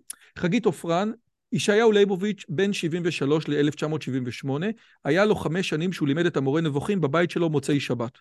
והדבר הזה הוקלט על, על קלטות כזה. עכשיו, מי היה בקבוצה של ישעיהו ליבוביץ'? אני נולדתי ב-1982, זה היה לפני שנולדתי. אה, והוא עשה את זה, וחגית עופרן לפני שנה, שעולמי רחוק מעולמה בכל אספקט, לקחה את זה והעלתה את זה לספוטיפיי. אז אני היום יכול לשבת בסלון של ישעיהו ליבוביץ' חמש שנים ולשמוע... עכשיו, אני לא יכול לשאול שאלה, אתה צודק. אני לא יכול. אני לא יכול לשאול שאלה. אני גם לא אוכל לשאול שאלה את עמוס. אבל אני יכול משהו... רועי, היום ישעיהו לייבוביץ' היה מלמד, מלמד את זה אחרת, היה אומר דברים אחרים. ואין מה לעשות, אנחנו צריכים להמשיך להתמודד עם העולם. ויש פורמטים שהם יותר מתאימים לזה. אז, אז שנינו, אני חושב, הדבר הכי קרוב שהגענו אליו הוא להגיד שמדעי הרוח של היום הם לא מדעי הרוח של פעם. ויכול להיות שבאמת השיח עם לייבוביץ', הנה תראה, גם השיח הזה עם לייבוביץ' היה אצלו בבית במוצאי שבת, אולי כבר אז כאילו מדעי הרוח הלכו למקום יותר טכני, למקום יותר של כלים, אה, כשמחפשים את דרכם. אנחנו מחפשים את הדרך, אנחנו, שוב, התשובות הגדולות, כאילו התיאוריות בעולם, הן, הן קרסו מדעי הרוח, לא יודעים להתמודד עם זה, יש אלטרנטיבות כמו שהצגת, כמו שהצגנו, וזה בסדר, זה סבבה. אה, אבל... אני רוצה להתקדם ברשותך, תקשיב, מצד אחד זה מרתק, אבל יש לי עוד כמה שאלות שאני חייב לקבל את ה insight. רגע, עוד, עוד כמה זמן יש לך? כי אתה יודע, בכל אופן, אתה יודע... טוב, השיחה נורא מעניינת אותי, כאילו... אז אני אנסה לעשות את זה, אבל תראה. סבבה, לא, קח את הזמן שלך, אני מאוד נהנה. תקשיב, אני אגיד לך כזה דבר, מה שאתה עושה עכשיו זה לדורות, אתה מבין? זה עכשיו, זה יהיה. אני מקווה שתערוך את זה ואת הגמגומים שלי תוציא ואת ה... לא עורך שום דבר, זה היופי. אה, לא אמרת לי את זה. לא, הנקודה באמת, אנחנו מייצרים פה איזושהי שיחה אמיתית. שהיא בין אנשים, ואז אתה אומר, רק שנייה, יש פה, אתה יודע, יש פה מחשבה, הרבה פעמים אני אומר, אתה יודע מה? שכנעת אותי. הרבה פעמים, אתה יודע, ב- ב- בשיחות יוצא לי כזה. עכשיו, השאלה היא, מה ההשלכה התרבותית של הניו-מדיה? כי יש כאלה שמדברים על תרבות אוניברסלית, כן? אה, צ'ארלס הנינגטון מדבר על זה בהתנגשות הציוויליזציות, יש מסחר אוניברסלי, גדי טאוב יטען שאין תרבות אוניברסלית כי אין אחווה אוניברסלית. וה, והשאלה שלי זה, מה הקשר בין חילון מצד אחד ואהבת המערב מה, מהצד השני? זאת אומרת, האם, האם ככל שהניו מדיה מתפתחת ואנחנו נהיים יותר חילוניים, אתה יודע, בחורות הולכות יותר צ... אה, חשוף, אנחנו רואים כל מיני דעות אחרות של אבולוציה או דברים כאלה, האם ביחד עם זה אנחנו מקבלים את אהבת המערב או פחות שנאה למערב? או שלא. בתרבויות אסלאמיות או במדינות אסלאמיות אנחנו נקבל חילון מצד אחד, שנאה גדולה למערב, אצל הודו אנחנו נקבל אחר. איך אתה רואה את הקשר שבין חילון מצד אחד, שזאת המצאה מערבית פר אקסלנס, לבין היחס למערב, ובייחוד, עוד פעם, במדינות אסלאמיות שהדברים שם הם עוד יותר משמעותיים. תן לי להתחיל ביותר רחב, ואז להתחיל להתגמגם קצת לכיוון הבאמת הספציפי של חילון, ובעולם כפי שהוא בנוי היום, כמו שתיארת, עם עולם אה, אה, של אה, איסלאמי ועם עמדות כאלה. בגדול, אנחנו, הרבה מהשיחה שלנו הייתה המתח הזה בין פוקיאמה מצד, בין הנטינגטון מצד אחד לבין פוקיאמה מצד שני. ואתה התחלנו עם זה, דיברנו על, אתה תפסת את המשפט הזה, שפה אחת ודברים אחדים. אה, אומר פוקיאמה, יש אולי הרבה שפות בעולם, אבל העולם נהיה דברים אחדים. אנחנו הולכים במונח של הגל לקראת קץ ההיסטוריה, כי בעצם הרעיונות המערביים הכריעו בעולם, ואנחנו בעולם של, שכמעט כולם מקבלים, הנה רוסיה הסובייטית קרסה וסין הולכת לקפיטליזם, אנחנו חיים בעולם של, של בעצם ניצחון של הרעיונות, שאתה אומר נכון, הם ערביים במקורם, או, או יהודאו-נוצריים, או בשורשיהם העמוקים, או, או, או משהו כזה. אה, וכן, וכולם, ואתה צודק, ההתנהגות המדיונית של אנשים, המדיאטיזיישן, היא מדגישה את זה, כי אנשים צורכים... מה זה התנהגות ב... מדיונית? ההתנהגות החציונית? מה שרוב האנשים עושים? מה שאנשים צורכים במדיה, אה, אה, של מדיה, ההתנהגות כן, כן. שלהם במדיה, סליחה, סליחה. במדיה, והמדיאטיזציה, שזה כן. העלאת הדגש של המדיה בחברה, אה, בעצם חושפת את העולם כולו לרעיונות האלה, ושלרבים מהם קשה מאוד להתנגד. כבוד האדם וחירות, ואלה דברים שהעולם נחשף להם, ובהדרגה העולם הולך ומתכנס סביב הרעיונות האלה. את זה פה קיים הטען קרוב לשנת 2000, הוא ממשיך לטעון ככה, לאחרונה הוא יצא, שוב, גם בספר, גם במאמר. אה, במקביל, הנטינגטון אמר, להפך, אנחנו הולכים לקראת מלחמת הציוויליזציות. אז, אז תן לי לתת לזה, אני יודע שאתה מתעניין יותר לקטע של החילון, אבל תן לי קודם להגיד משהו על תקשורת בעניין הזה. לא, למרות שזה מדהים, כי אני מת להביא, אני רוצה להביא את פוקויאמה לפה, בתור אחד שלכאורה לא מסכים איתו, כי אני רואה, זה לא הולך, אני, אני, אני לא הגלייני, כן? למרות שבתור דוס אני יכול להגיד, אני לא הרב קוקי, כן? זה, זה, זה מאוד מאוד, מפ... לפי דעתי, החברה האמריקאית היום, אם אתה מסתכל על החברה האמריקאית, הנינגטון יותר צודק באיזשהו אופן. זה נורא מוזר, שניהם צודקים וטועים בעת ובעונה אחת, כאילו, ואני חושב שאלה הכוחות הגדולים שדיברנו עליהם, על תקשורת וחברה, על דעות ושכנוע לעומת אה, אי הסכמה. תן לי לתת את זה מכיוון אחר קצת של תקשורת, אני מקווה שתמצא בזה עניין, למרות שאנחנו מעריכים.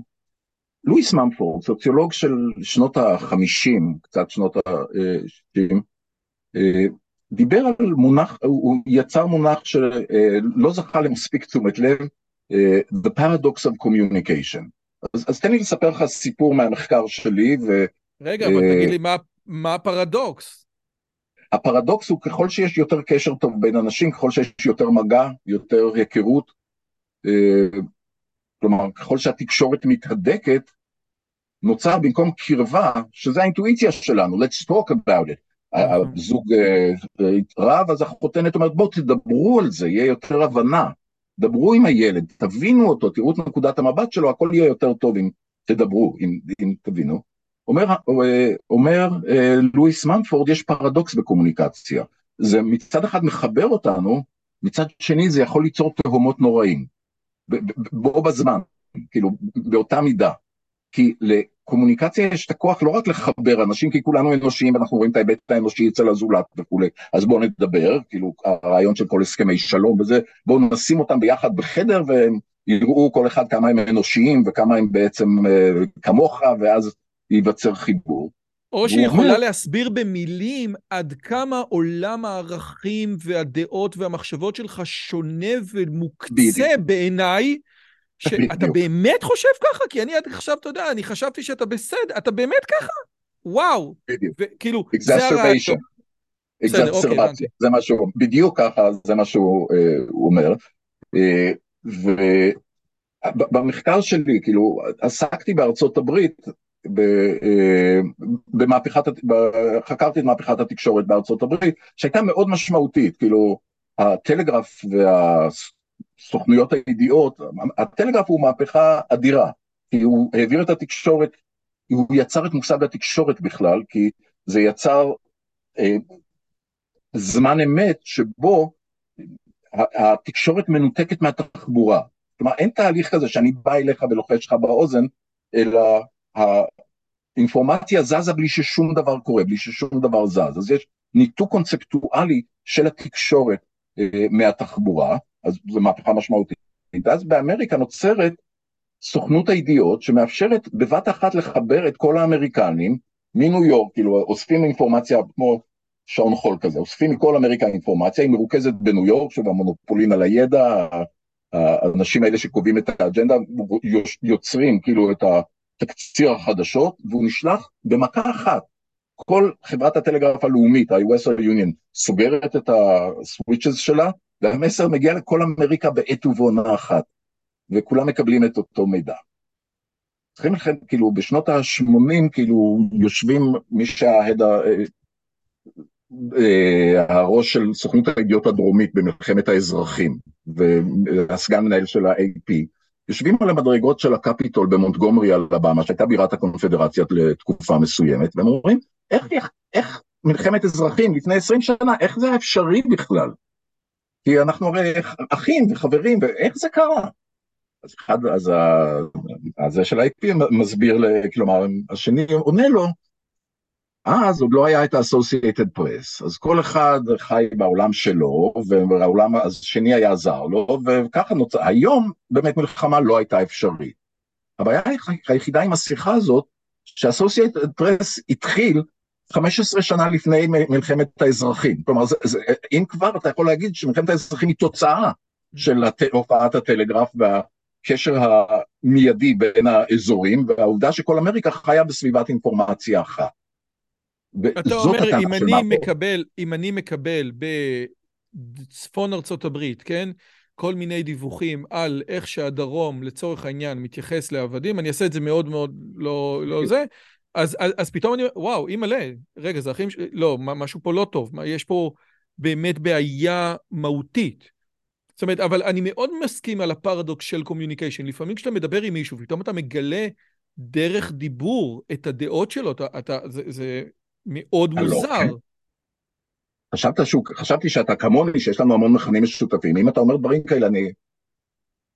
כלומר, אז, אז בוא נחזור להנטינגטון ול... אה, ולפוקיאמה. ולחילון ולשנאת המערב. כן. אז, ה, אז אומר האדם הזה, אוקיי, אז אני, אני אראה בטלוויזיה את הסדרות של נטפליקס שכולכם רואים, אני מבין על מה אתם מדברים וזה מעצבן אותי. אני צורך את זה, זה מגיע לכל העולם המסר הזה, וחלק מהאנשים זה, זה דווקא יוצר אקזרסרבציה, זה מחריף את ההתנגדות. זה לא מועיל לה. כמו בארץ, דיברנו קודם על תקשורת ישראלית, העובדה שאנשים חושבים אחרת מהתקשורת שלהם, כל יום הם רואים תקשורת, זה מרגיז אותם יותר. כלומר, הייתה נאמר ממשלת שינוי, שלא נאמר שהיא לא הייתה ממשלה אה, רעה, אבל אנשים התעצבנו נורא, כי כל יום הם נתקלו בה בחדשות של ערוץ 2 שעדיין רואים פה, כפי שאמרת. אז המתח הזה בין מצד אחד, כאילו בין פוקויאמה שאומר, אוקיי, יש איזה נורמל חדש, מרכז חדש, אנשים מכירים, מבינים את הרעיונות, זה יכול ליצור הבנה, זה יכול ליצור שיתוף פעולה, מצד שני יש את הנטינגטון שאומר, כמו ממפורד, שיש את ה paradox of communication, כמה שאנחנו יותר אה, מחוברים, שומעים את אותם הרעיונות, האופוזיציה של הרעיונות האלה יכולה לה, להקצין נורא. אז אני לא, אז, אז תקשיב, אז אני, אני לא מבין בדיוק מה שאמרת. זאת אומרת, את ה paradox of communication ואת הסיפור על המדרגות של הקפיטול, הבנתי, לקחתי אותו, נשתמש בו, יופי, שמתי בכיס, תודה רבה. אבל יש פה שני דברים. זה כמו שאתה יודע, אומרים, האמישים בארצות הברית הם לא נגד טכנולוגיה, הם משתמשים, הטרקטורים שלהם הם הכי חדשים, הכל בסדר, כן? זאת אומרת, הם לוקחים מתוך, המנט... מתוך הטכנולוגיה את מה שהם משתמשים בו. מי שחושב שאמישים לא משתמשים בטכנולוגיה, לא מבין, הם כן משתמשים בטכנולוגיה והקומביינים שלהם חדשים מאוד. אבל הם לוקחים רק ברמת הטכנולוגיה. דעות, הם לא לוקחים, ולכן אין להם, אה, אין להם אינטרנט, כי אינטרנט זה לא רק טכנולוגיה, זה הרבה מעבר לזה. הטענה היא שחילון זה לא רק טכנולוגיה. חילון, שאני לוקח חילון, כן? זה סט שלם, זה קופסה שמלאה בערכים. והשאלה שלי זה, א', האם אתה מסכים שיש אנשים שלוקחים את הקופסה הזאת וביחד, ומתוך הקופסה הזאת מוציאים את אהבת המערב, שמים את זה בצד, אומרים אני לא אוהב את המערב? זאת אומרת, האם אתה מסכים שדה פקטו הדבר הזה קורה? ואז אני שואל, איך זה יכול להיות? הרי, הרי, הרי זה, זה באמת ביחד הכל ביחד, או שתגיד זה סתם שנאה כי הוא הביא לי את זה אז אני לא, אני, אני לא אוהב אותו כי הוא יותר חכם ממני או משהו. יש פה איזה משהו שהוא לא ברמת הטכנולוגיה רק. בוא, לי יותר קל כי אני פחות מכיר את העולם המוסלמי, בוא נחשוב על חרדים ותקשורת, ובוא נחשוב דווקא על חרדים אמריקאים, ששם אין מגבלות, לכולם יש סמארטפון, ויש לשער שהם נחשפים אה, והם רואים בו דברים. אז יש לך מצד אחד את הנטינגטון, נכון? זה לא מונע מהם להיות חרדים, הם רואים אה, את הבלי העולם הזה ואומרים, אה, כאילו אשרינו שלא שם חלקנו בהם. קודם כל אני חושב שזה כן מונע מהם להיות חרדים. אני חושב שהחרדי, כשאתה מסתכל על חרדים, שבן אדם שלא מבין את העולם החרדי, אומר חרדי, ואז הוא הולך לניו יורק ורואה חרדי, אומר, רגע, שנייה, עזוב את הישיבה יוניברסיטי, שזה בכלל עולם אחר, כן? אבל החרדי בארצות הברית, הוא, יש בו מאפיינים מאוד מאוד שונים מהחרדי, מהחרדי בישראל. אתה לא מקבל את זה? כן, אבל אולי, אולי בין היתר בגלל זה. אבל שבטית הוא, הוא, לא, הוא לא מתחלן. כלומר, לא יודע, יש לי uh, קרובים של אשתי במונסי, שהרבה שנים אנחנו בקשר איתם. השבט, אין אף, כלומר, אין שחיקה בכלל. יש להם חמישה ילדים, ב-64 נכדים, ועשרות נינים, אין אחד שיצא לתרבות רעה, למרות שלכולם יש סמארטפון. ויש להם טלוויזיה בבית, והם חרדים ממש, כאילו, הם, הם אה, כאילו, אה, עברו לעיר הזאת עם הישיבה הכי גדולה בעולם, בניו ג'רזי, אחרי נוכח לי. לייקווד, לייקווד. לייקווד, כן. לא, אז... זה מעניין מה שאתה אומר. אגב, אולי אף אחד לא מתחלן כמו כי יש להם סמארטפון. כן, כי יש להם סמארטפון, והם אומרים כאילו שלא שם חלקנו זה כמו שנכון, אומרים על האמיש שבגיל 18 הם נותנים להם את האפשרות, נכון. לכו תסתובבו בעולם, אתם רוצים, תחזרו. אגב, זה באמת, כי באמת אחד הדברים שרציתי לשאול אותך בהקשרים האלה, הרי בדרך כלל לכתות, כן, כתות דתיות, כן, לדתיים, יש ציון פחות, יותר נמוך בניו מדיה דתיים, האופנס שלהם, אתה יודע, יותר נמוך, אתה יודע, אתה מסתכל עכשיו לא רק על כל הדתיים, אבל אתה יודע, כל כת דתית יש לה את הבעיה של הדעות מבחוץ, דעות שהן לא אורתודוקסיות, דעות שהן לא נכונות. השאלה היא, מה, האם בהקשרים האלה ניתן לעשות כדי שבאמת אנחנו נראה דתיים שמשתלטים על הניו-מדיה, או שהדבר הזה הוא אינטרינזי לכתות דתיות. אם אני דתי, חלק חלק ממה שמגיע עם זה, בארוחה העסקית, זה שאני צריך להיות נמוך באופנס, אחרת הדת שלי תהיה מאוד מאוד בעייתית. לגמרי אני מסכים רועי, אבל ניקח את זה שלב הלאה, בוא נלך לפוקיאמה. יש עכשיו סערות בעולם הוולדר, בעולם החרדי, סלח לי שאני לוקח את זה למקומות האלה, אבל הם חלק מהחיים שלנו. השאלה אם בלי החשיפה למיטו, כאילו לעולם הזה של, אה, של לא מדבר על פמיניזם, אבל של כאילו זכויות אדם של נשים, אה, השאלה אם, אם זה לא גולש, אם, אם הערכים של החברה הכללית, תוכו אכל קליפתו זרק. האם אין באמת השפעה שמיטיבה את החברה הזאת? אני יכול להגיד לך... שפוקויאמה בכל זאת עובד למרות שהנטינגטון לחלוטין עובד.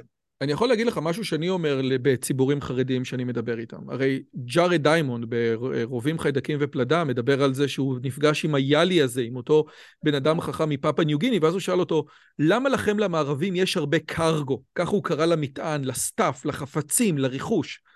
והטענה שלי זה שגם אם אתה חרדי ואין לך פורנו באינטרנט, כן? אתה יודע, הכל פעילו, יש איזה דיבור שכל הטכנולוגיה זה רק אם יש פורנו באינטרנט או אין פורנו באינטרנט, שזאת שאלה מאוד חשובה, אבל חוץ ממנה מסתבר שיש עוד כמה אספקטים. אומר, גם אם אתה חרדי, מכיוון שאתה גדל, אבות אבותיך היו, היו במסופוטמיה, בדם שלך יש נטייה לקרגו. והקרגו הזה, יש לו מניפיסטציה לאייפון 14 אצל החילונים, למשקפיים אדומות של שמאלנים בירושלים, או לכובע, אבל תמיד זה יהיה. אנחנו צריכים קרגו, כי אנחנו חלק מתוך העולם הזה. אז, אז בתוך זה אני סופר מאמין, אתה מבין? אפילו שאתה לכאורה לא נמצא בקניון בתל אביב, זה בדם. אתה מקבל? לגמרי, לגמרי. כי את אותו ערך הוא התפרש בצורה שונה לחלוטין בסביבות שונות. וככה דבר נורא פשוט. ואין אותו בפאפה ניו גיני, אין אותו, כאילו, הטענה המרכזית של אה, ג'ארד זה, זה רק במסופוטמיה, בפאפה ניו גיני זה לא קיים, מאלף ואחת סיבות. כן, תראה, יש מחקר נורא נחמד על התמונה שאנשים שמים בסמארטפון שלהם, בוואטסאפ. יש הבדלים תרבותיים מטורפים בין ארצות, בין עמים, ארצות, קבוצות, אה, הייתי אומר, לסוג הדבר, לסוג התמונה שהם שמים, של עצמם. של המשפחה, של... אה, אז בוא, רגע, רגע, אז, אז, אז אני יכול לתת לך? תקשיב, אני שמתי תמונה בוואטסאפ, בטלפון, אז תגיד לי מה זה אומר עליי בתור חוקר, בסדר? יום אחד אמרתי לבת שלי לעשות שיעורי בית, אה, זאת הבת? יש לו כמה אי הסכמות על דברים שאמרנו, אבל... לא, זה... הקיצר, אז uh, הבת שלי uh, כתבה, אמרתי לה בואי תעשי שיעורי בית, וצעקתי עליה, אז היא נורא כעסה, אז היא כתבה לי מכתב, והמכתב הלך ככה, I hate you, I wish I could kill you, but I can't, you are the worst dad on earth. אמרתי, או, oh, זה יהיה תמונה נהדרת. אז עכשיו אני אומר, מה זה אומר? זה בסדר? אני מערבי? אני לא מערבי? בא מחברה שיש בה תרבות של ויכוח ואי הסכמה, ותשמע, יהודים עדיין מדברים אחרת. במפתיע בתקשורת אנחנו מגלים שהדבר שנראה כאילו הכי רך, הכי לא חסר משמעות, איך שאימא מדברת עם הילד שלה, השיח סביב שולחן השבת, אה, זה אולי החלק הכי עמוק ב-DNA ש, ש, שנוצ... שבכלל שאנחנו יכולים להכיר. אה, אז אה, בפירוש הדברים, כן, זה אומר המון, זה אומר המון, אבל זה גם אומר שהטכנולוגיה היא לא מין גורם דומיננטי כזה שמכתיב את עצמו למרות שהוא, כי הוא חד משמעי, כי הוא טבעי, זה ממש לא ככה. אנחנו מפעילים על הטכנולוגיות את המחשבות שלנו, את המוסכמות שלנו, את ההרגלים התרבותיים שלנו, אנחנו אנחנו בעצם יוצרים טרנספורמציה של הטכנולוגיה בתהליך השימוש שלה. ו- אוקיי. ולכן, שוב, זה, זה קצת מערער את הטענה הזאת שהנה, זה עולם אחד, זה גלובליזם, לא, לא, כולם לא, מתכוונים לאותו דבר, לא, אנחנו לא. מתכוונים לדברים לא אחרים לגמרי. העולם לא שטוח, מזרח תיכון חדש לא קיים, וזה באמת מדהים עד כמה שבפרדוקס של communication אתה יכול לראות את הדברים האלה עוד יותר. ואני רוצה ברשותך לשאול אותך שאלה אחרונה. דן שפטן תמיד היה אומר, החברה האירופאית היא חולה, וגם הממשלה שלה היא חולה. אבל החברה האמריקאית היא, היא חברה בריאה, רק הממשלה שלה חולה. ככה הוא היה תמיד אומר, החברה האמריקאית היא בסוף תדע לתקן את עצמה, היא חברה בריאה, יש לה את האתוס של העבודה הקשה, את האתוס הקלוויניסטי וכן הלאה וכן הלאה. האם אתה בתור חוקר החברה האמריקאית בשנים האחרונות, מאובמה ובוודאי, אני רואה את זה, אתה יודע, אני אקח את הצד שלי, המפלגה הדמוקרטית ירדה מהפסים, כן? זהו, זאת ה... זה מה שאני שם על השולחן. האם אתה עדיין רואה בחברה האמריקאית חברה בריאה? אתה יכול לחזור? כן, כן. השאלה היא כזאת, האם החברה האמריקאית, כמו שדן שפטן תמיד היה אומר, החברה האמריקאית היא חברה בריאה, ממשל של החולה. ואז השאלה שלי היא, האם בשנים האחרונות, כשאנחנו מסתכלים על מה שקורה, על הפילוג הגדול בחברה האמריקאית, על דברים שכאשר אין לדמוקרטים חברים רפובליקנים ולהפך, שבן אדם אומר נהייתי רפובליקני, כולם מסיימים לדבר איתו, הדברים האלה, אתה יודע, רואים את זה עוד פעם ועוד פעם ועוד פעם, על, על הטירוף המוחלט שקרה בקפיטול, כן? אני לא יודע אם ראית את, ה, את, את כל המימים האלה שגנבו שם את הסטנד, אז מישהו כתב מזכרת קטנה מאירוע גדול. מאוד מאוד, מאוד מצחיק. האם לפי דעתך החברה האמריקאית מתחילה להיות חברה חולה באיזשהו אספקטים? זאת אומרת, חברה שיהיה קשה לרפא את השסעים שלה. כי כבר היום, לא רק צ'ארלס מרי וקאמינג אפארט, שבאמת אומר, תקשיב, החברה הזאת הולכת למקומות שונים שבגדול הם IQ-based, אבל באמת, האם ה-walk של המפלגה הדמוקרטית לא, לא נוגס מתחת ליסודות הכי בסיסיים של האתוס האמריקאי. אה, לגבי האמירה האחרונה שלך, אה, יש לי על זה מחשבות נוגות, אבל השאלה היא מצוינת כי לא היה בהיסטוריה שום דבר שמתקרב ליציבות של החברה האמריקנית. זאת אומרת, זו חברה שבאה משום מקום, שבנתה את עצמה אה, על בסיס של עקרונות ורעיונות וערכים שחיברו אנשים ביחד, ואין, לא היה בהיסטוריה של העולם משהו מתקרב למשטר אה, שמתקיים אה, קרוב ל-250 שנה. זאת אומרת, אין, אין דבר כזה בכלל. כשנוצרה אמריקה, basically עם החוקה שיש לה היום, עם כמה שינויים קטנים, אירופה עוד הייתה אוטוריטרית ומלוכנית, עולמות אחרים לגמרי, ואמריקה נשארה, היא יציבה בצורה מדהימה. אה, לכן גם הסינים לא מוצאים את ההלוואות שלהם מאמריקה, כי אתה משקיע את הכסף שלך אתה במקום הכי בטוח, הכי יציב שיכול להיות, פעם זה היה שווייץ, אבל בדיעבד, לאורך זמן אמריקה היא המקום הכי יציב שהאנושות יצרה. והיום אני מודאג. היום אני מודאג. אני חושב שיש כרסום בערכי היסוד שאפשרו מצד אחד את השיתוף, את האחדות, את הרציפות הזאת, את הזהות ש, ש, של משהו אמריקני, הערכים האלה, אני לא בטוח שהם כבר הם נשארו אותו דבר כפי שהם היו. אולי נשאל, אולי נשאל את זה בצורה, אולי נשאל את זה בצורה אחרת, שלא יהיה לך אולי נוח לענות, אבל אתה יודע, זה הערוץ שלי בסופו של דבר. אמריקה היא לא חברת מהגרים, היא חברה מהגרים שהגיעה ממקום מאוד מסוים באנגליה.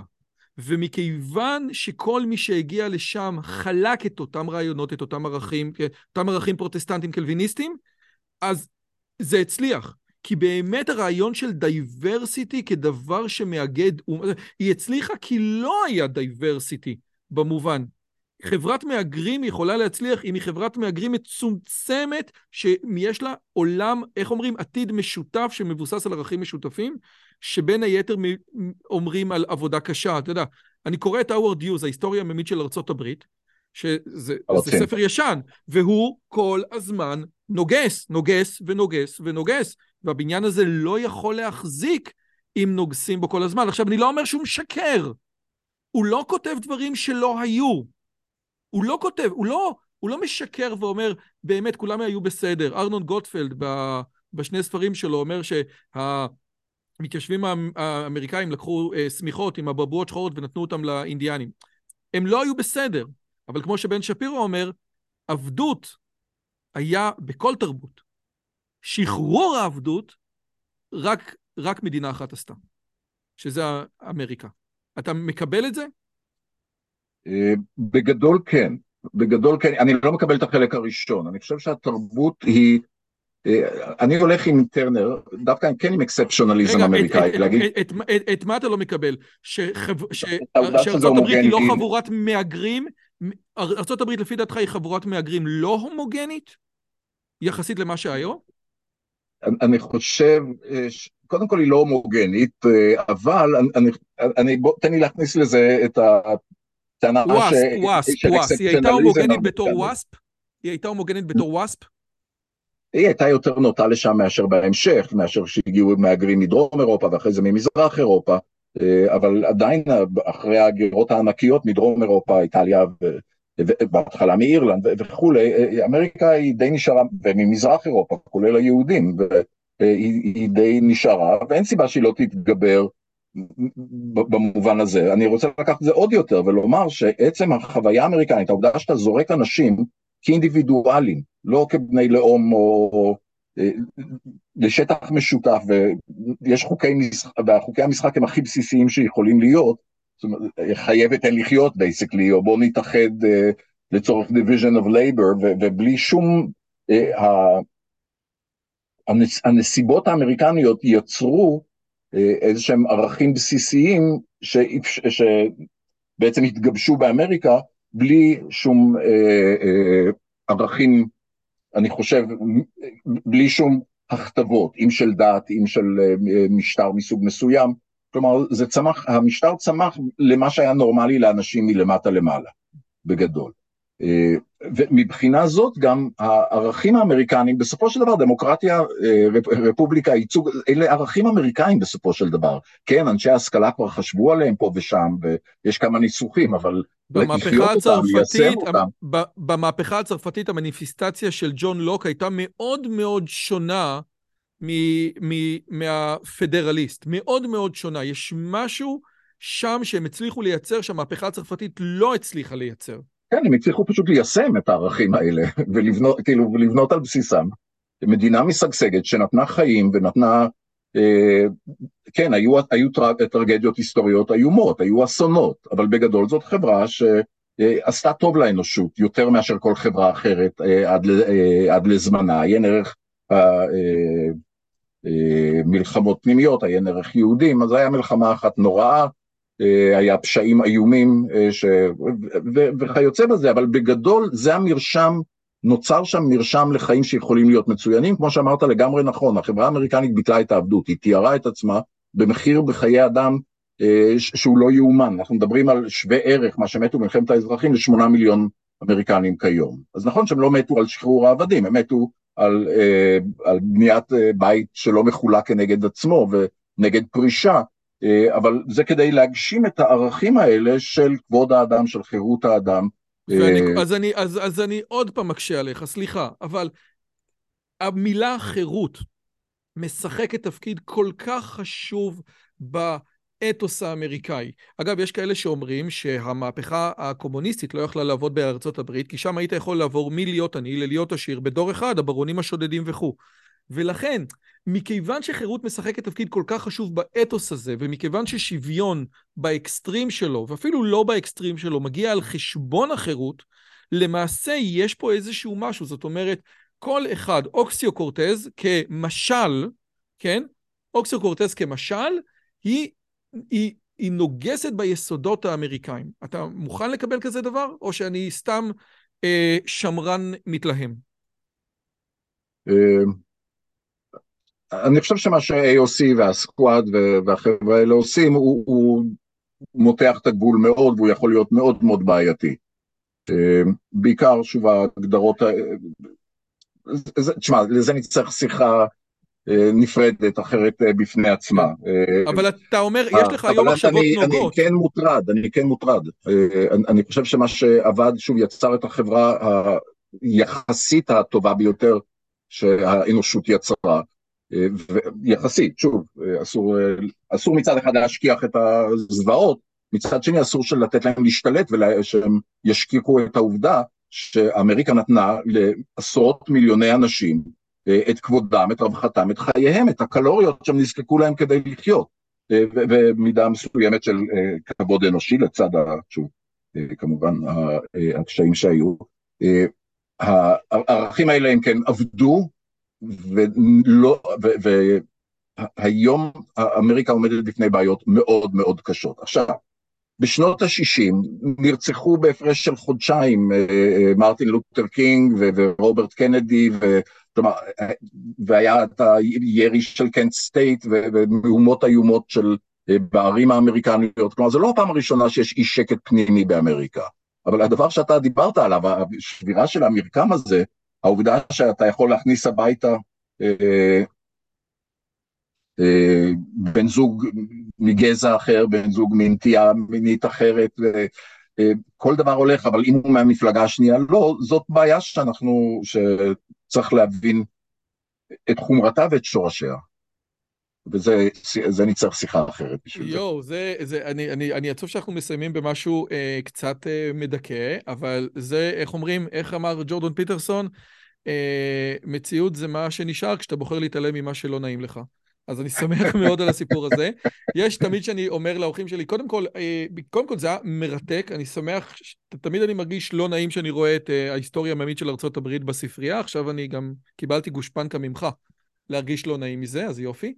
אה, אני, יש ספר שקראת בשנים האחרונות שאתה אומר, בואנה, ספר ששינה לי איזושהי זווית הסתכלות, בין אם על החברה האמריקאית, בין אם משהו שהיית, אני תמיד מנסה, אתה יודע, אה, אה, לפתוח את זה למשהו אחר. ספר שהיית ממליץ לבן אדם חושב, לאנשים שמקשיבים לשיחה שלנו, חבר'ה, שווה לכם?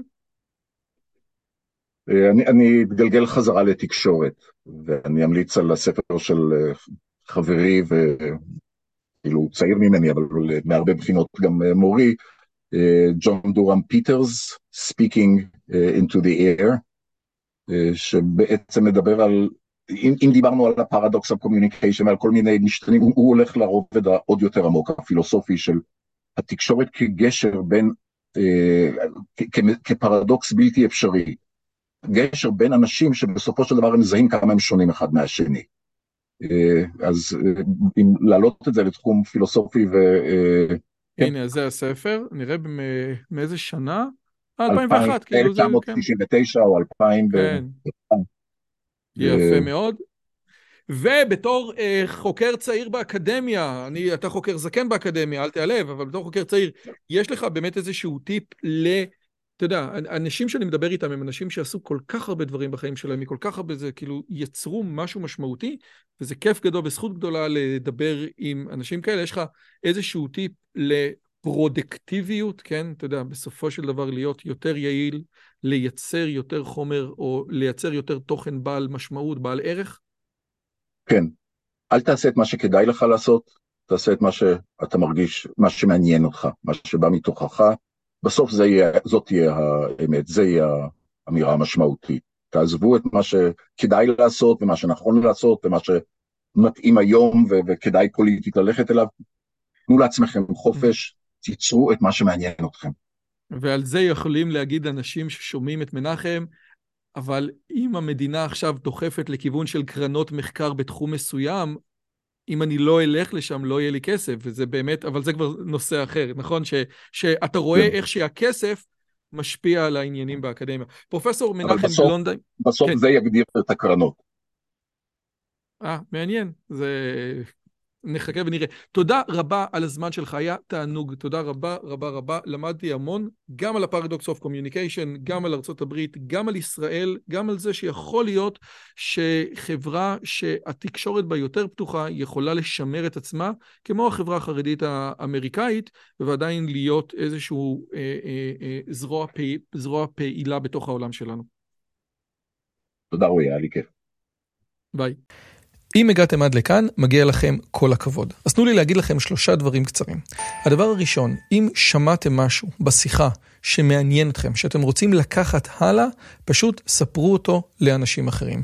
משהו מעניין שאני אמרתי, משהו מעניין שהאורח שלי אמר, איזשהו רעיון שאתם רוצים לקחת איתכם לחיים, פשוט ספרו אותו לחבר או לחברה.